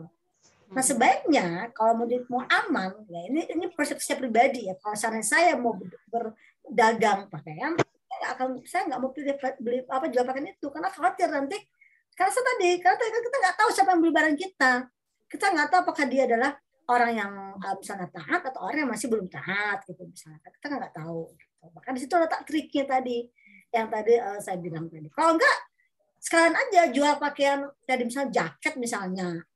Jaket atau misalnya uh, sweater sweater ya itu siapa pun yang pakai ya boleh boleh saja mau orang yang tidak taat pun yang pakai di rumah mau orang yang pakai syariah pun pakai di rumah nggak masalah gitu tidak menimbulkan maksiat gitu tidak ada pelanggaran hukum syara di sana gitu hmm. Saya kira begitu ya, uh, Nita. Gimana, Pak Nita? Insya Allah ya. Insya Allah jelas. Oke, uh, kita ke penanya kedua nih ada yang Raisen, Mbak Elia, monggo. Assalamualaikum warahmatullahi wabarakatuh. Waalaikumsalam warahmatullahi wabarakatuh. Apa ya? Uh, mau nanya Mbak Ajimah tadi uh, Mbak Yen nge-mention tentang open order ya. Katanya kan kalau open order itu uangnya tuh dari yang pemesan harus masuk semua. Nah, kemarin karena nggak tahu ilmunya juga nih, uh, kemarin kan teman-teman pada minta open order buku nih. Itu uh, mohon penjelasan tentang tadi uang yang untuk pemesanan open order itu harus masuk semua itu gimana?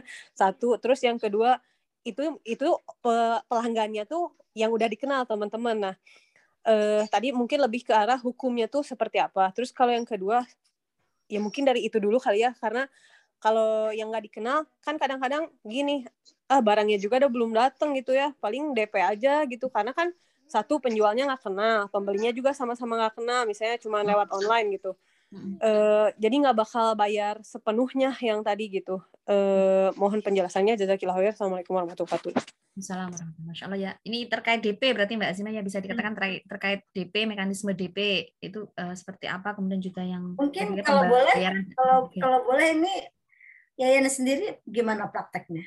Terkait DP tadi. Ini kan kalau Mbak Elia yang disebut tadi buku ya, ya. buku yang pre-ordernya buku. Sama juga kan, misalnya pre-order pakaian ya. ya. Mungkin iya. teman-teman juga bisa belajar dari kan? dari yang ilmu yang ingin pelajari dan yang ingin amalin gitu ya, yang ingin amalkan gitu. kita udah tahu ya kalau uh, DP itu kalau untuk barang pre-order itu kalau memang bukan dari orang yang memproduksinya langsung kita membelinya dari distribut uh, dari agent, reseller atau distributor itu uh, berarti kan orangnya itu belum belum belum ada barangnya gitu ya, belum punya barangnya. Jadi harus dibuat terlebih dahulu gitu kan ya, kita harus dibuat terlebih dahulu. Nah, itu secara Islamnya secara pikir muamalnya kita harus bayar di depan uh, harus bayar di depan 100% Ya, pembelinya. Pembelinya harus harus bayar 100% di muka gitu ya harus persen bayar di muka.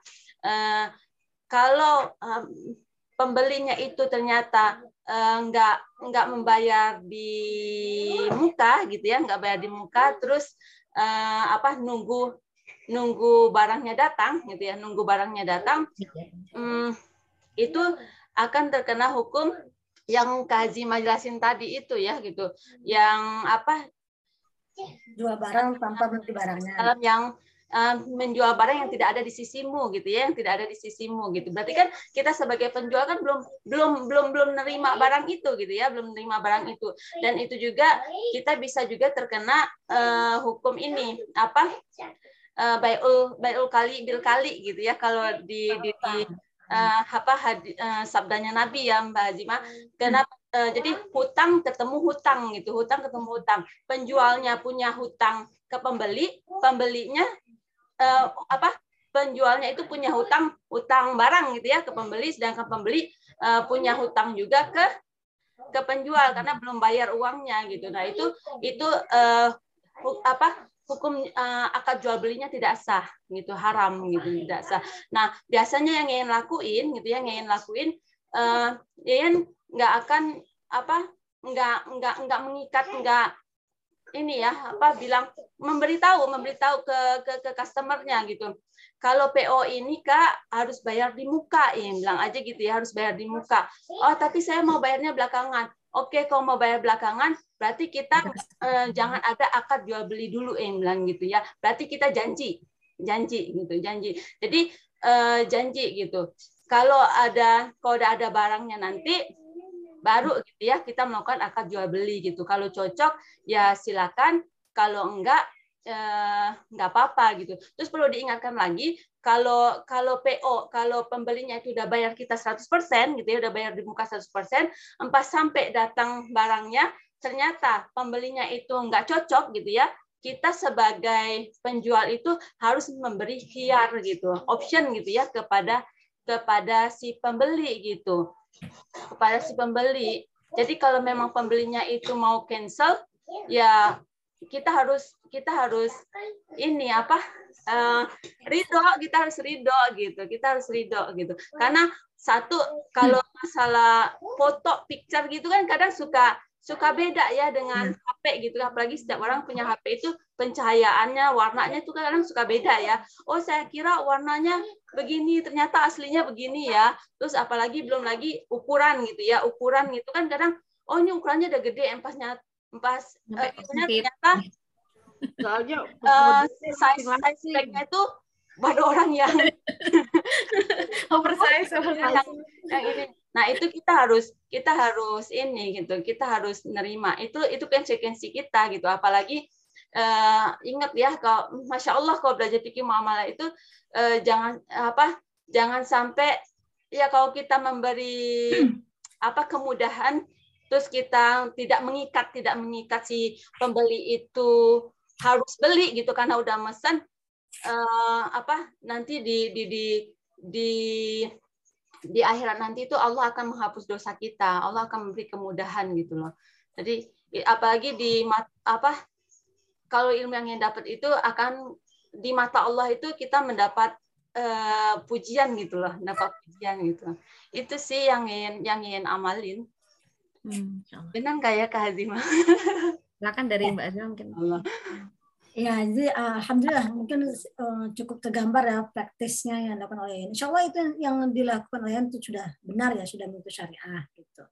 Nah, uh, makanya uh, beberapa, ada beberapa, beberapa prinsip yang harus kita pahami tentang melakukan aktivitas jual beli. Yang pertama yang harus tahu tadi ya, selain tadi yang sudah kita sampaikan tadi masalah uh, barangnya harus yang halal, yang kedua uh, apa namanya modalnya dari mana, yang ketiga mekanisme itu bagaimana.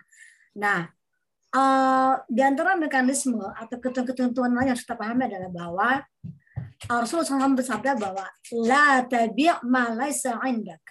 Janganlah kamu itu la tabi' jangan kamu itu menjual, jangan kamu itu menjual apa yang tidak ada pada sisimu. Artinya kita nggak boleh menjual barang yang tidak kita miliki. Itu prinsip pertama. Jadi ada larangan, larangan menjual barang yang tidak kita miliki. Yang kedua juga ada larangan uh, apa namanya larangan utang ketemu utang nih. Kali berkali. Maksudnya apa? Yang tadi yang sampaikan tadi. Misalnya nih ada uh, si si B ini penjual ya misalnya. B penjual barang. Tapi dia itu hanya menjual barang setelah dia pesan dulu barang dari luar dari dari si C gitu misalnya.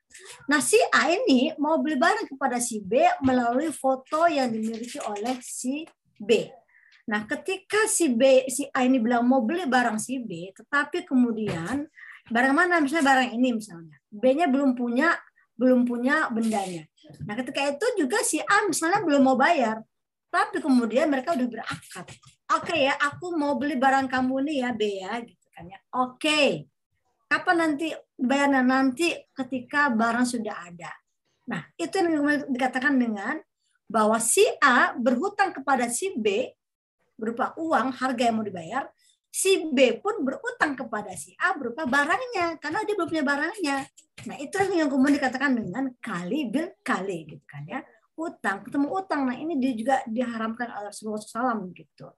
Terus gimana solusinya? Makanya Islam itu punya punya solusi, punya uh, ada hukumnya. Yang pertama itu dengan apa yang disebut dengan melakukan jual beli salam. Kalau kita nggak punya barangnya, kita bisa melakukan jual beli salam. Artinya apa? Artinya kita itu memesan barang gitu ya, atau kita dengan customer kita pun itu melakukan jual beli salam. Apa yang bisa jual beli salam? Kita tuh menjual barang dengan pesanan. Jadi si A tadi mestinya memesan barang kepada si B dari foto-foto yang dia miliki tadi. Aku pengen beli ini, aku pesan beli, beli baju ini dong, misalnya begitu kan ya.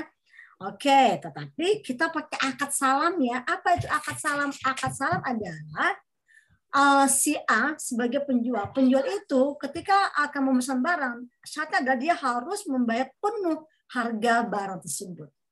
Kenapa begitu ya? Memang begitu, memang begitu ketentuannya sehingga nanti si B dengan uang yang dia miliki tadi, yang dia dapatkan dari si A itu bisa dia belikan barangnya gitu. Maka si B ini baru bisa membeli barang memesankan barang kepada si produsennya misalnya atau yang gross apa namanya distributor besarnya misalnya untuk membeli barang tersebut.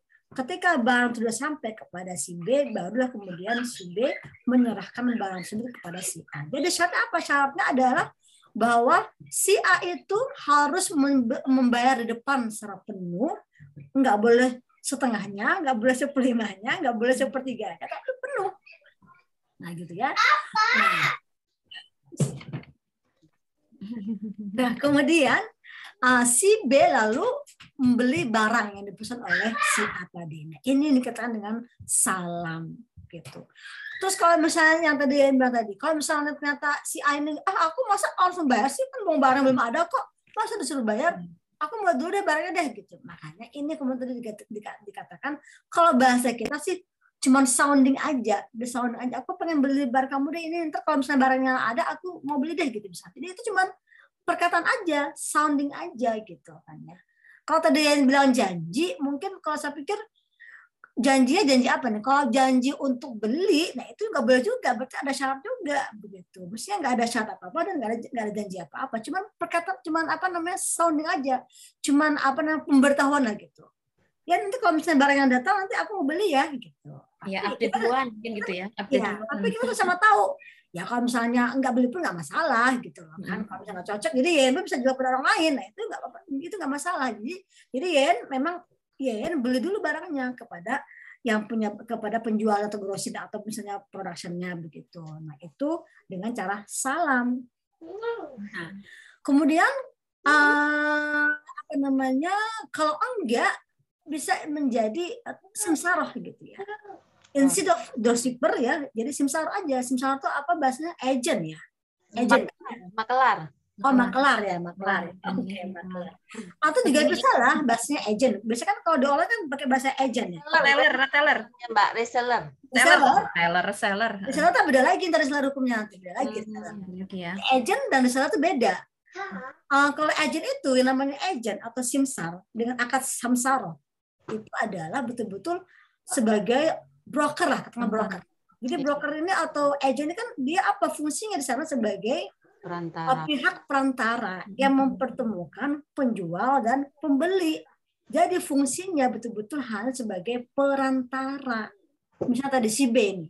B ini nggak punya barang. Yang punya barang siapa? Yang punya barang C. Nah C ini kan butuh dong barang laku dijual. Maka si B ini bilang sama si C, C aku mau jualin barang kamu ya, aku jadi agent kamu aja. Atau aku jadi brokernya kamu. Aku nanti dibayar berapa nih? Misalnya begitu. Maka bikin akad dulu. Akad antara si B dengan C. Oke B, kamu uh, jadi agentku ya. Nanti aku kasih komisi setiap barang yang terjual. Kamu dapat misalnya uh, kamu boleh dapat 5, 5 uh, 10% deh atau 20% deh. Nah, boleh dari harga yang jual. Atau misalnya mau fix Oke, okay, setiap baju yang terjual kamu dapat dua puluh ribu, boleh. Terserah menentukan harga mau gimana gitu kan. Ya. Sesuai dengan sesuai dengan uh, apa kesepakatan. Atau begini, terserah kamu mau jual berapa, pokoknya aku kepadaku kamu perlu uh, apa namanya bar ke aku misalnya yang penting harga harga baju ini ke akunnya adalah lima ratus ribu kamu mau bayar mau jual berapa ke orang terserah harga berapa gitu nah, itu juga boleh terserah aja gimana kesepakatannya nah bagaimana ininya bagaimana uh, apa namanya mekanismenya jadi nanti si B ini akan menawarkan barang-barang C kepada halayak ramai misalnya kepada customer lalu dapat customer misalnya tadi A beli barang kepada si B berapa harganya harganya misalnya B-nya masang harga di Facebooknya ataupun misalnya di uh, Instagramnya dipasang harganya lima ratus lima puluh ribu gitu. Nah jadi si B ini uh, apa namanya uh, apa namanya menjadi berhubungan dengan si A, A mau beli barang si B ini mau beli barang gitu kan ya dari B.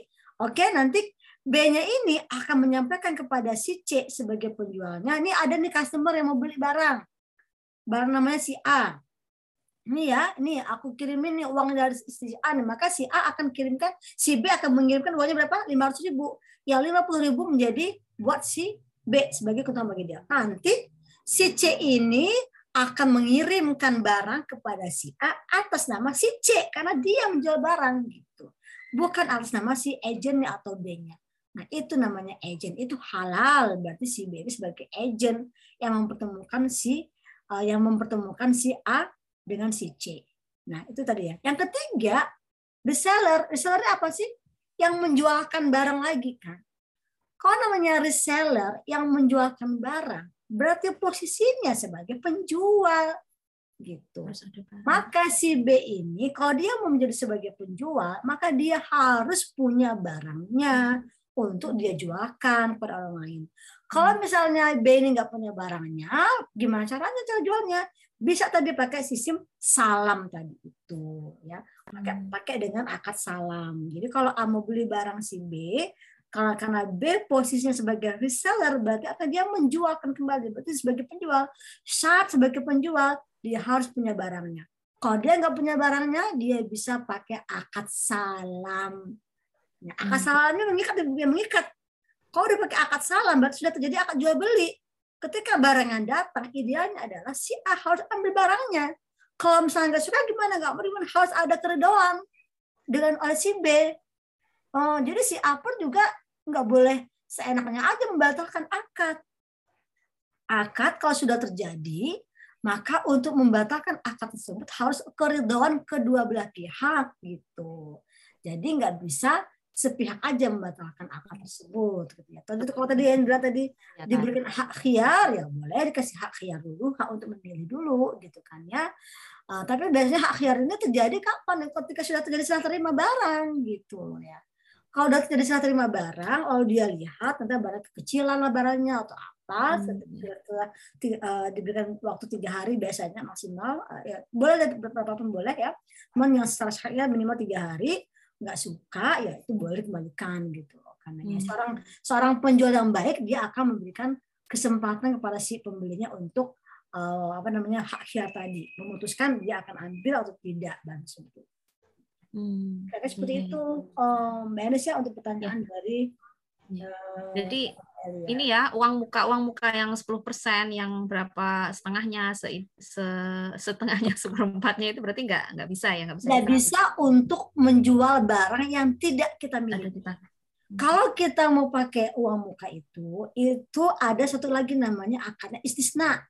Hmm. apa itu istisna? Istisna itu adalah jual beli yang dilakukan jual beli pesanan juga jual hmm. beli pesanan, tetapi itu untuk barang-barang yang melalui proses produksi. Hmm. Tapi itu betul-betul harus akad antara si pembeli dengan si penjual yang memproduksi barang tadi. Itu boleh dengan akad istisna gitu. Hmm. Contohnya gimana contohnya? Yeyen dia ternyata juga produksi barang. Bisa produksi bikin jahit, misalnya jahit gamis gitu atau kerudung gitu misalnya kan jadi datanglah Hazimah kepada ya misalnya ya. Pesan dong uh, gamis gini-gini gini-gini modelnya ya. Semua semua dari kamu. Uh, kainnya semua dari kamu semua. Berapa harganya? Oke, uh, Mbak ini totalnya 50 dolar gitu misalnya. Bersih. Oke deh kalau gitu gimana? Apakah aku harus bayar DP? Iya lah Mbak, aku butuh DP dong. Aku, aku harus beli barang dulu, beli barang-barang dulu. Oke, boleh DP-nya 20 dolar aja gitu katanya ya. Itu boleh Hmm. Tuh, boleh pakai DP 20 dolar. Atau misalnya nggak pakai DP juga nggak apa-apa. Atau misalnya mau bayar setengah dulu juga nggak apa-apa. Itu terserah. Jadi kalau istisna ini terserah. Mau bayar di depan, bayar di tengah, bayar di belakang gitu kan ya. Itu boleh-boleh aja. Itu istisna. Tapi kita sebagai yang memproduksi barang tersebut gitu. Hmm, Masya Allah ya. Gimana Ukti Elia? Masya Allah ya udah jelas nih ya, Iya. bisa jelasin ke konsumennya ini. Iya, jazakillah khair. Masya Allah. Ada jam berapa ini? Oke, masih ada waktu. Ada satu lagi ini dari eh, ini kayaknya yang bertanya ini memang ini ya para Pebisnis. bisnis ya. Menarik. Woman semua Masya. Allah, ya. Ada Mbak Novia. Iya, Assalamualaikum warahmatullahi wabarakatuh. Waalaikumsalam warahmatullahi wabarakatuh. Em, Novi mau tanya, em, untuk masalah kan Novi baru juga kan, Novi kan nggak produksi. Mbak Yayin untuk yang retail itu, kita kan, aku kan reseller, maksudnya aku sering jualin barang, misal kalau ngambil dari Indo atau barangnya udah ada gitu kan, tapi kan Novi kadang posting-posting gitu. Itu harus punya license atau cuman eh, orang yang produksi aja gitu. Novi jadi mikir sekarang takut juga ya kalau misalnya kena eh, apa-apa di sini gitu ya. Nggak gedor-gedor ya. Iya benar. Terus yang kedua uh, mau tanya Ustazah Hazima untuk riba Novi jadi mikir kalau kan kalau kita uang eh, kalau misalnya mau barter nih kayak tukar tambah emas itu boleh apa enggak sih? Kata Mbak Mas, oke. Uh-uh. Uh-uh. Sama yang terakhir itu gini kan sekarang ada nih kalau kita mau beli barang terus kita jadi registernya jadi kayak membernya gitu kan. Ya. kan kadang ada kan kayak oke kita mau beli produk ini terus kita eh, ditawarin jadi member ini gitu. Dan eh, kalau misalnya kita nggak mau tapi tiba-tiba dijadiin member itu hukumnya gimana ya? Ustaz kita kan jadi kayak agak terpaksa gitu ya tapi gimana ya Novi? Jadi hmm, untuk kalau misalnya mau join atau beli produk-produk barang yang kayak begitu hukumnya tuh jadi gimana gitu. Iya, ah, udah itu Aja? aja. Udah Akhirnya. Oke. Nah, yang pertama silakan kepada Ukti Yayan ya terkait license tadi ya terkait Itu apa kalau yang untuk license itu ya Kak Novi itu kita yang kita yang bisnis kita yang sebagai penjual di sini gitu. Kalau memang kalau memang eh, untuk ini ya untuk eh, apa keamanan kita gitu ya untuk keamanan kita ya untuk kelancaran bisnis kita lah. Eh, berarti kitanya yang harus ada license di sini gitu. Hmm, berarti ini ya penjual penjual apa pun itu ya bisnis di rumah maksudnya gitu ya. Penjual apa pun. Oh, Kalau- itu kalau yang pengalaman ya pengalaman yang eh, ada yang ingin ikutin itu eh, kalau mereka bilang terus ya ada juga yang ingin konsul ke ini ke apa sih di sini bilangnya mbak ini solisitor ya solisitor ya Iya, sebenarnya. Nah, kan pernah juga nanya eh, kalau di sini itu kalau menjalani bisnis itu gimana bilang gitu. Eh, gini katanya kalau kamu hanya kalau nggak reguler kalau nggak reguler itu nggak apa-apa berarti just hobi gitu ya just hobi itu kan Oh, iya. waktunya itu cuman tertentu Bisa, nggak nggak- reguler nggak gitu ya, nggak terus gitu ya. tapi Iya, kalau iya. udah Korek, kamu ya. udah reguler udah terus menerus kamu harus punya katanya Oh, oke, oke. itu sih Iya, iya. Iya kan kadang kayak suka aja oh lagi ini oke eh, mau jual gitu. Maksudnya kan kita nggak nggak yang kalau Mbak Yayan kan memang kayak ya produksi ijab segala macam kan. Memang kalau Nafi kan kadang oh ada barang ini oh lagi tren ya udah ambil dari Indo jual di sini gitu. Berarti nggak terus menerus nggak setiap Berarti saat. ah, ah, ah, ah, berarti nggak harus ada license ya. terkait license. Iya. Makasih. Eh, Pak, di, di, diingatinnya itu kalau sudah posting ke media sosial hati-hati gitu. Karena eh, kita nggak tahu ya namanya manusia kepala aja yang hitam gitu kan gitu. Oh, sama-sama hitam tapi hati kita nggak tahu. Takutnya ada yang ngelaporin apa apa gitu. Oh iya di sini lapor. Hmm. I see, I see. Itu sih. Makasih. Eh, Oke, ini uh, itu maksudnya tadi ini ya, register ya, ya? register maksudnya ya, register Oh, license. oh, license bisnis ya. Ya memang mungkin di sini itu memang uh, apa contohnya ini ya ketat ya. Jadi kita uh, karena kan mereka kan butuh untuk sebagai pajak ya. Di sini kita juga sebenarnya ada ada sih. Di sini mungkin uh, Ventil yang lebih paham kali ya masalah register bisnis gitu ya dan masalah ini bagaimana gitu. Mungkin nanti bisa ditanyakan di luar forum secara lebih detail kali ya. Karena memang di sini kita juga harus hati-hati ya. Karena kalau misalnya kita melanggar peraturan apalagi misalnya bisnis itu kan yang gede itu dendanya yang gede kan ya enggak ya? Yang gede itu kan dendanya ya. Jadi mungkin harus dipahami lebih detail lah gimana uh, sistem sistem ataupun uh, cara jual beli apa cara bisnis di sini gitu. Um, ini langsung aja ya tanpa ada MC-nya tanpa ada moderator. Tadi masalah uh, apa tukar menukar emas ya, tukar tambah emas. Iya, biasanya kan kayak tukar tambah gitu loh, Hmm. Ustazah. Ya, yang penting begini, uh, kita uh, prinsip pertama tentang emas. Emas itu dalam hadis Rasulullah salam itu masuk kategori barang ribawi. Artinya apa? Barang ribawi itu ada enam kalau menurut hadis Rasulullah. Yang pertama adalah emas, perak. Kalau dari sisi uh, mata uang atau jika kita mempadankan dengan mata uang itu adalah emas dan perak. Lalu kemudian yang empat macam lagi adalah yang empat adalah kedua ya dua emas perak yang empatnya mana sih enam? Ini enam ya ini enam ya. Dua adalah emas perak yang empatnya adalah bahan pokok tertentu ya.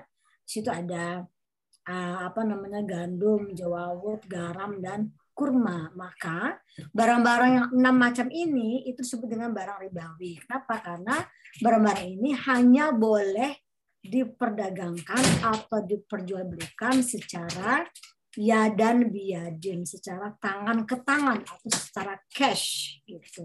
Dan juga kalau dia diperjualbelikan sesama dia harus dengan uh, takaran dan timbangan yang sama dengan kualitas yang sama gitu. Jadi nggak boleh ada perbedaan. Kurma, kurma uh, apa namanya kurma yang yang kualitas bagus tidak boleh ditukarkan dengan misalnya satu karung kurma yang kualitas bagus tidak boleh ditukarkan dengan dua karung kurma yang kualitas jelek. Nah, itu bisa mengandung unsur riba. Ini ada hadis yang bisa ada kehadiran. Begitupun juga dengan emas gitu ya. Emas pun juga demikian. Emas misalnya 24 karat ditukarkan dengan emas 22 karat tapi dengan jumlah, jumlah berbeda, maka itu pun enggak boleh. Karena harus setara, seimbang, seukuran sama, yaitu emas. Nah, karena itu kalau tukar tambah emas itu maksudnya gimana? Uh, faktanya seperti apa sih faktanya? Kalau misalnya emasnya Jadi, jadi misal kita punya gelang, terus kita ke Hmm. toko emas nih, hmm, eh, mau tuker yang lebih besar atau mau tuker model modelnya, misal kita mau tuker modelnya, ternyata ya memang kan nggak nggak ada semua yang sama gitu, pasti ada yang lebih gramnya kekurangin, ada yang lebih nambah gram gitu. Berarti nggak bisa ya? Bisa, tapi begini prinsip cara begini, caranya adalah emasnya dijual dulu. Nanti Iya. Ya. lagi yang yang lebih yang lebih yang lebih misalnya yang lebih mahal misalnya atau yang lebih murah gitu. Jadi tetap harus ada jual beli emasnya dulu. Jadi emasnya itu dijual dulu, dapat uang cashnya. Setelah itu dengan uang Baru cash beli. yang dimiliki tadi baru dibeli. Sama aja kan? Sama Iya aja, sih. tapi sistematiknya berbeda. Gitu. Tapi Kalau langsung aja jual begitu, berarti tuker emas, misalnya emasnya eh, 22 karat, tukar dengan emas 24 karat, nanti aku tambah uang, nah itu nggak boleh seperti itu. Nah, jadi kita menukar emas dengan emas yang tidak setimbang, tidak setara gitu. Makanya eh, cara gimana? Cara adalah jual dulu emasnya itu tadi, udah dapat duitnya, kemudian beli yang kita inginkan tadi. Kalau misalnya lebih mahal, ya kan nggak nambah nambah uangnya lagi. Sama aja sebenarnya. Iya. eh, Cuman sama, tetapi dengan mekanisme berbeda bisa mengantarkan kepada yang haram dan bisa mengantarkan kepada yang halal. Iya. Nah, di situlah letak pentingnya kita harus belajar, harus tahu ilmunya, apalagi berkaitan dengan masalah muamalah. Hmm. Hmm, ya benar. Iya Mbak Azimah ya, yang itu faktanya memang ya, maksudnya saya sendiri nemuin gitu memang eh, kadang penju kita sebagai konsumennya ini memang sengaja mengambil tukar tambah emas itu karena bedanya itu 10%. Sama mereka itu dikasih 10% lebih lebih untung kita. Kalau kita jual dulu baru nanti beli itu tuh ya 10 persennya itu loh. 10 persen kan besar juga ya. Jadi akhirnya ya dengan sistem yang salah tadi mengambil dengan sistem yang salah. Pernah kan maksudnya uh, tahu ada yang seperti itu? Gini aja bilang sama itu emasnya eh mas mas tukang emas. Misalnya ya. Mas mas tukang emas ya. Iya. ini mas saya saya mau jual saya mau saya suka tuh sama gelang itu tuh itu Ngomongnya berapa ya. harganya gitu Mm. saya pengen nih tukar gelang saya sama gelang itu gitu tapi saya mau jual dulu nih sama kamu saya jual dulu ke kamu Mm. Oh, nanti baru saya beli itu tetap dapat kurangannya saya tambahin lagi ya memang mau nggak mau terus jelasin ke masnya gitu Mm-mm. Oh, supaya dia pun juga punya ilmu juga gitu loh kan Mm. tapi rata-rata setahu saya tukang emas tukang emas yang dia itu katakanlah yang taat ya mereka pun juga ngerti loh hukum-hukum saat tersebut gitu. Hmm. kita juga tahu kok gitu. memang ada juga tukang emas itu ya betul sekali dakwah ya memang ada juga tukang emas itu yang mereka itu apa namanya eh, berpendapat nggak apa-apa kok tukar tambah itu atau nggak apa-apa kok pesan-pesan emas itu kan ini emasnya emas perhiasan nah begitu ada yang mengambil pendapat karena menganggap emas ini adalah sebagai perhiasan maka sebagai perhiasan itu dia dikategorikan sebagai eh, komoditi barang dagang.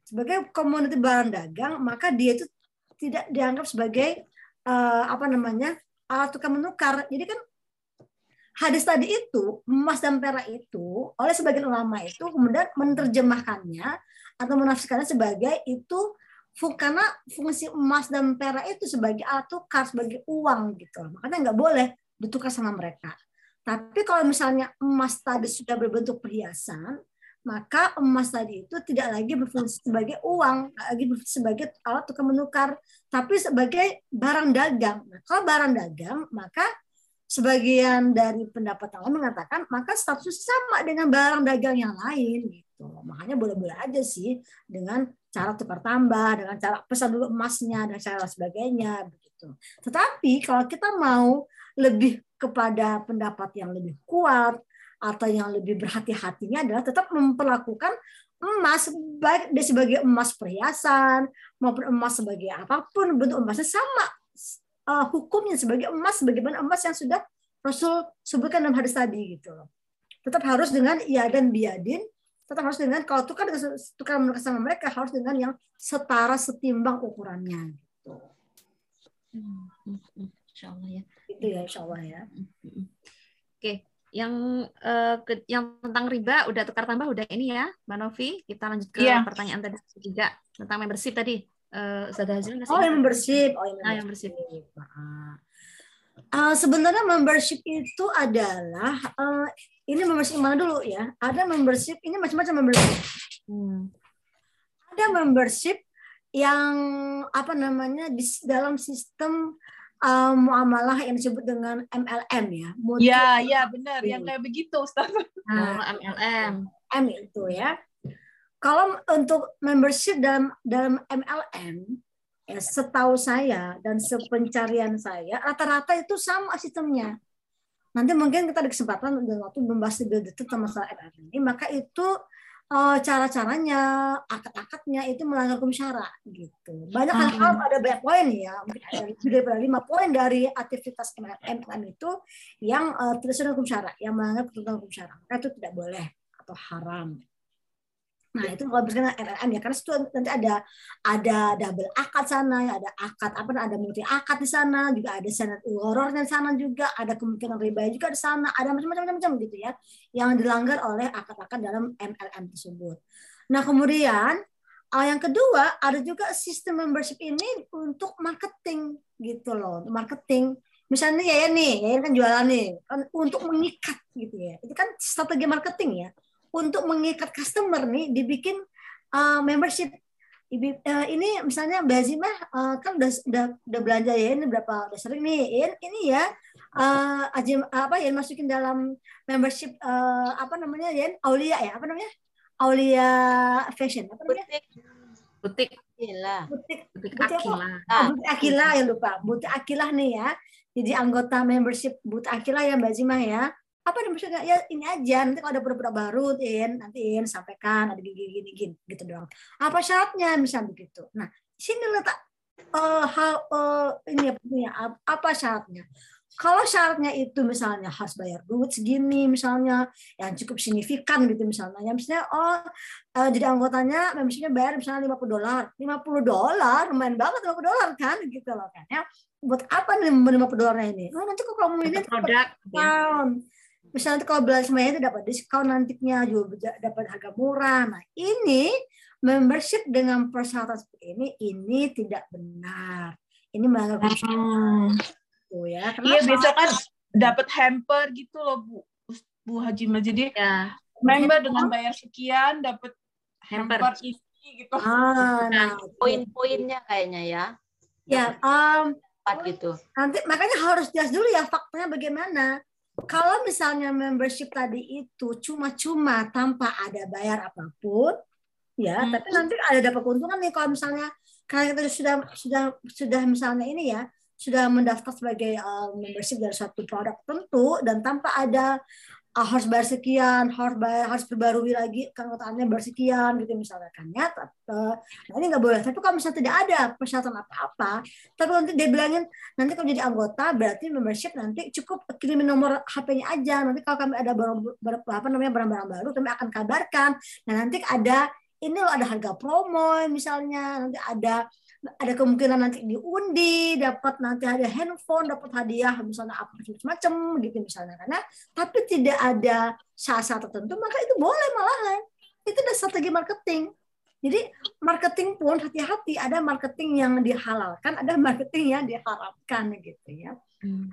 Nah, kita makanya terus belajar. Misalnya misal ini ya, contohnya dulu saya juga pernah dulu ya uh, belanja di suatu supermarket atau itu di Indonesia gitu kan ya. Jadi setiap belanja itu kita itu pokoknya siapa pun yang belanja gitu kan ya. Setiap misalnya seratus ribu nilainya karena Indonesia ya dapat satu apa kupon gitu loh. Ya, nanti kalau kita sudah kupon kita sampai banyak misalnya 40 kupon atau 30 kupon nanti dapat bisa ditukarkan dengan ada pisau pisau kitchen kitchen knife itu yang dari Jerman gitu loh kan ya. Wah kan semangat nih jadi mau belanja belanja sana beli makanan beli apa beli apa di sana tapi nggak ada persyaratan apa-apa cuma tinggal ini kita kita perlihatkan stok belanja kita lalu berapa nih misalnya kita belanja empat ribu dapatlah empat kupon gitu loh kan. Terus banyak lagi dapat sekian ribu sekian ratus ribu dapat empat kupon. Ketika sudah memenuhi misalnya dapat 30 kupon nih aku udah tiga 30 kupon nih. Mana nih ininya bisa kata bisa ditukar dengan dengan misalnya hadiah apa. Nah itu boleh seperti itu. Karena tidak ada persyaratan apa-apa gitu loh. Tapi kalau harus uh, bayar dulu segini. Apalagi kalau tapi kalau misalnya bayar hanya untuk membuat kartu doang ya.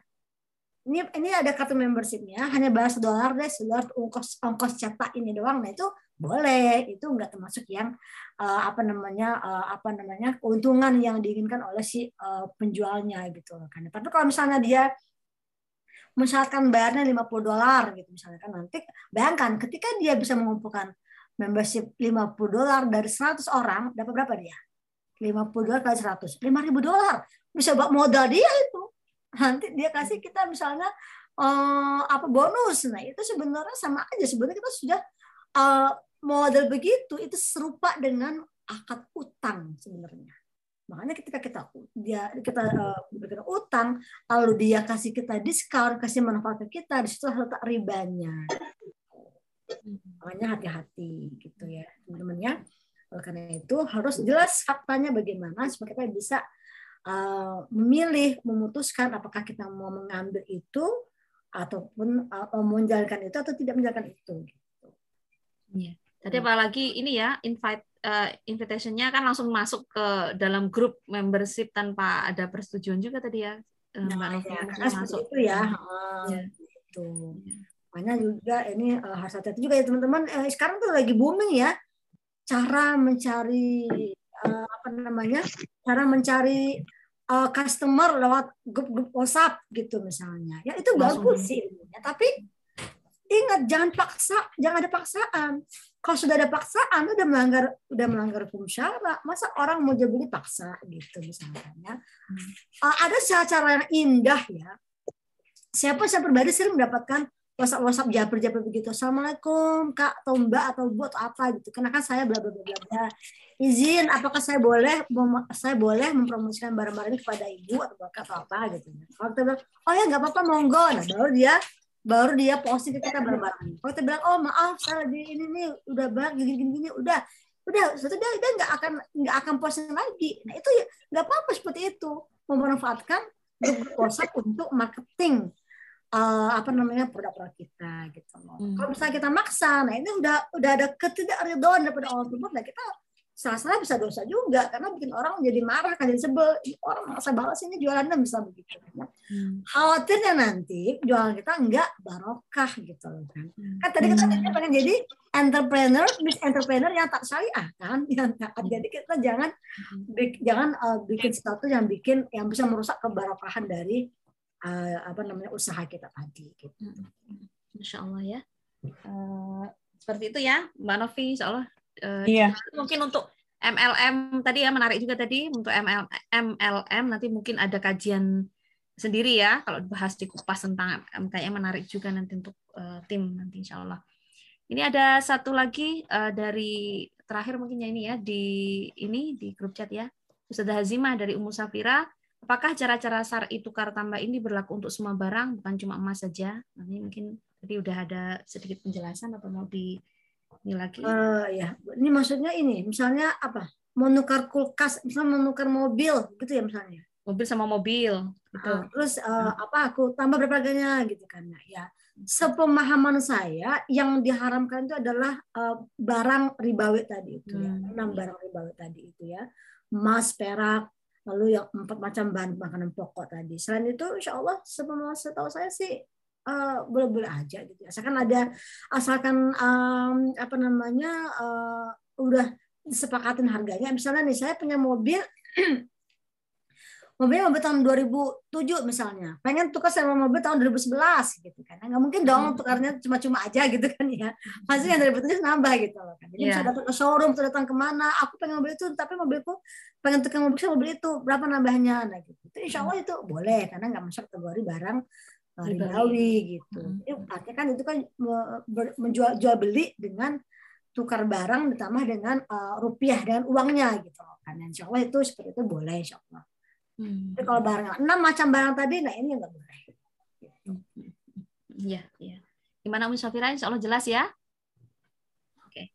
Eh, sepertinya kita harus ini ya, harus berpisah ini, harus berpisah ya. Sebelumnya mungkin ini dari eh, apa namanya dari eh, pembicara kita ada yang ada yang mau disampaikan closing statementnya mungkin dari Mbak Yayan dan juga dari Mbak Zima. Monggo. Silakan Yayan. apa ya? Eh, itu aja sih yang ingin mau ingetin. Ya kita apa eh, berilmu dulu gitu ya sebelum amal. Apalagi kita tahu ya eh, Allah itu apa mewajibkan setiap muslim itu untuk menuntut ilmu. Eh, dan kita tahu menuntut ilmu itu hukumnya fardu ain terutama eh, ilmu agama gitu ya. Dan apalagi ini yang berhubungan dengan fikih muamalah ini tadi gitu. Terus eh, perlu kasih eh, beritahu juga eh, bisnis itu pilihan gitu ya. Bisnis bisnis itu pilihan Eh, dakwah. Dakwah itu kewajiban kita gitu. Masya Allah. Ya. Kalau bisa berarti pendakwah tapi entrepreneur gitu ya. itu yang eh, apa eh, deal awal awal lampu hijaunya suami itu memberi apa eh, mengizinkan yaitu gitu boleh boleh berbisnis gitu ya tapi eh, untuk dakwahnya juga harus harus ini gitu kewajiban dakwahnya juga Kewajiban-kewajibannya. Masya Allah ya. jangan sampai bisnisnya itu malah eh, ini ya bis apa Enakan. Ha-ha. Iya. Nah, Masya itu aja sih Jazakallahu khairan. Silakan eh Ustazah Hazimah Ya, jadi teringat ya perkataan Umar bin Khattab. Kira-kira makna seperti ini. Ketika itu Umar bin Khattab menjadi khalifah ya di eh, dan misalkan di Madinah. Ketika itu di Madinah lalu beliau masuk ke pasar lalu ngomong sama orang-orang. Intinya adalah maksudnya itu adalah eh, jangan kamu datang ke pasar ini kalau kamu nggak ngerti ilmu fikih gitu. Ilmu fikih muamalah maksudnya. Hmm. Artinya apa?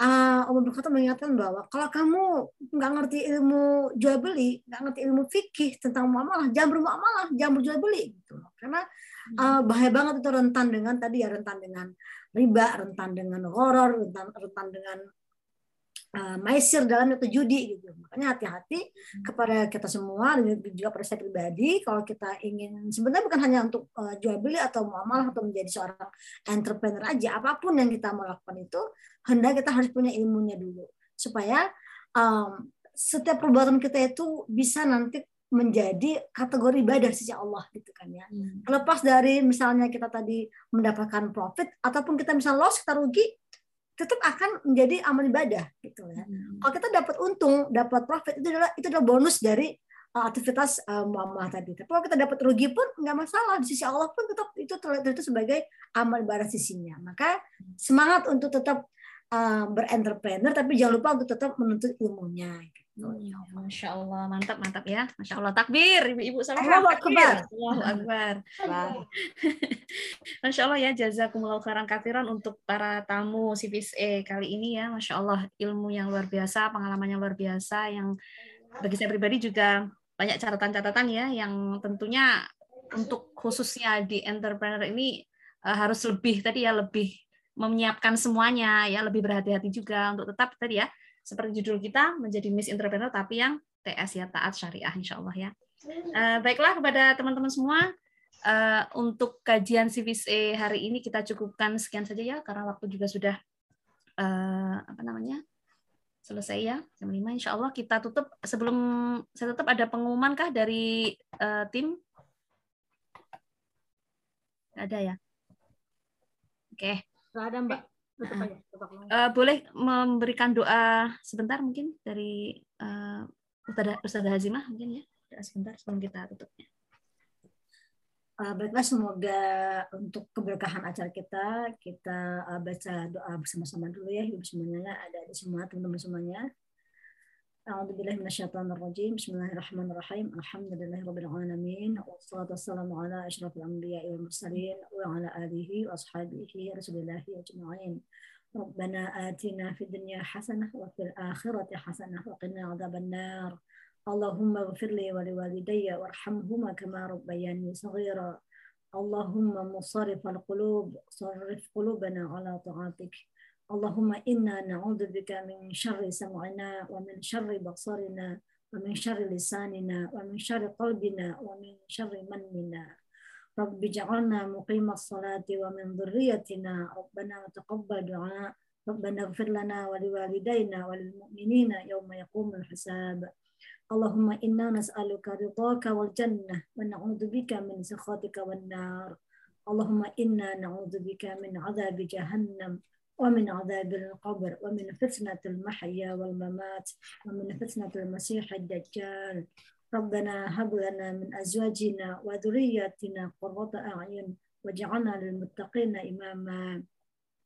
اللهم إنا نسألك الهدى والتقى والعفاف والغنى اللهم إنا نسألك علما نافعا ورزقا طيبا وعملا متقبلا. Subhanakallahumma bihamdika asyhadu an la ilaha illa asyhadu an la ilaha illa anta astaghfiruka wa atubu ilaik. Alhamdulillahirabbil alamin. Jazakallahu khairan untuk doanya. Amin amin Allahumma amin.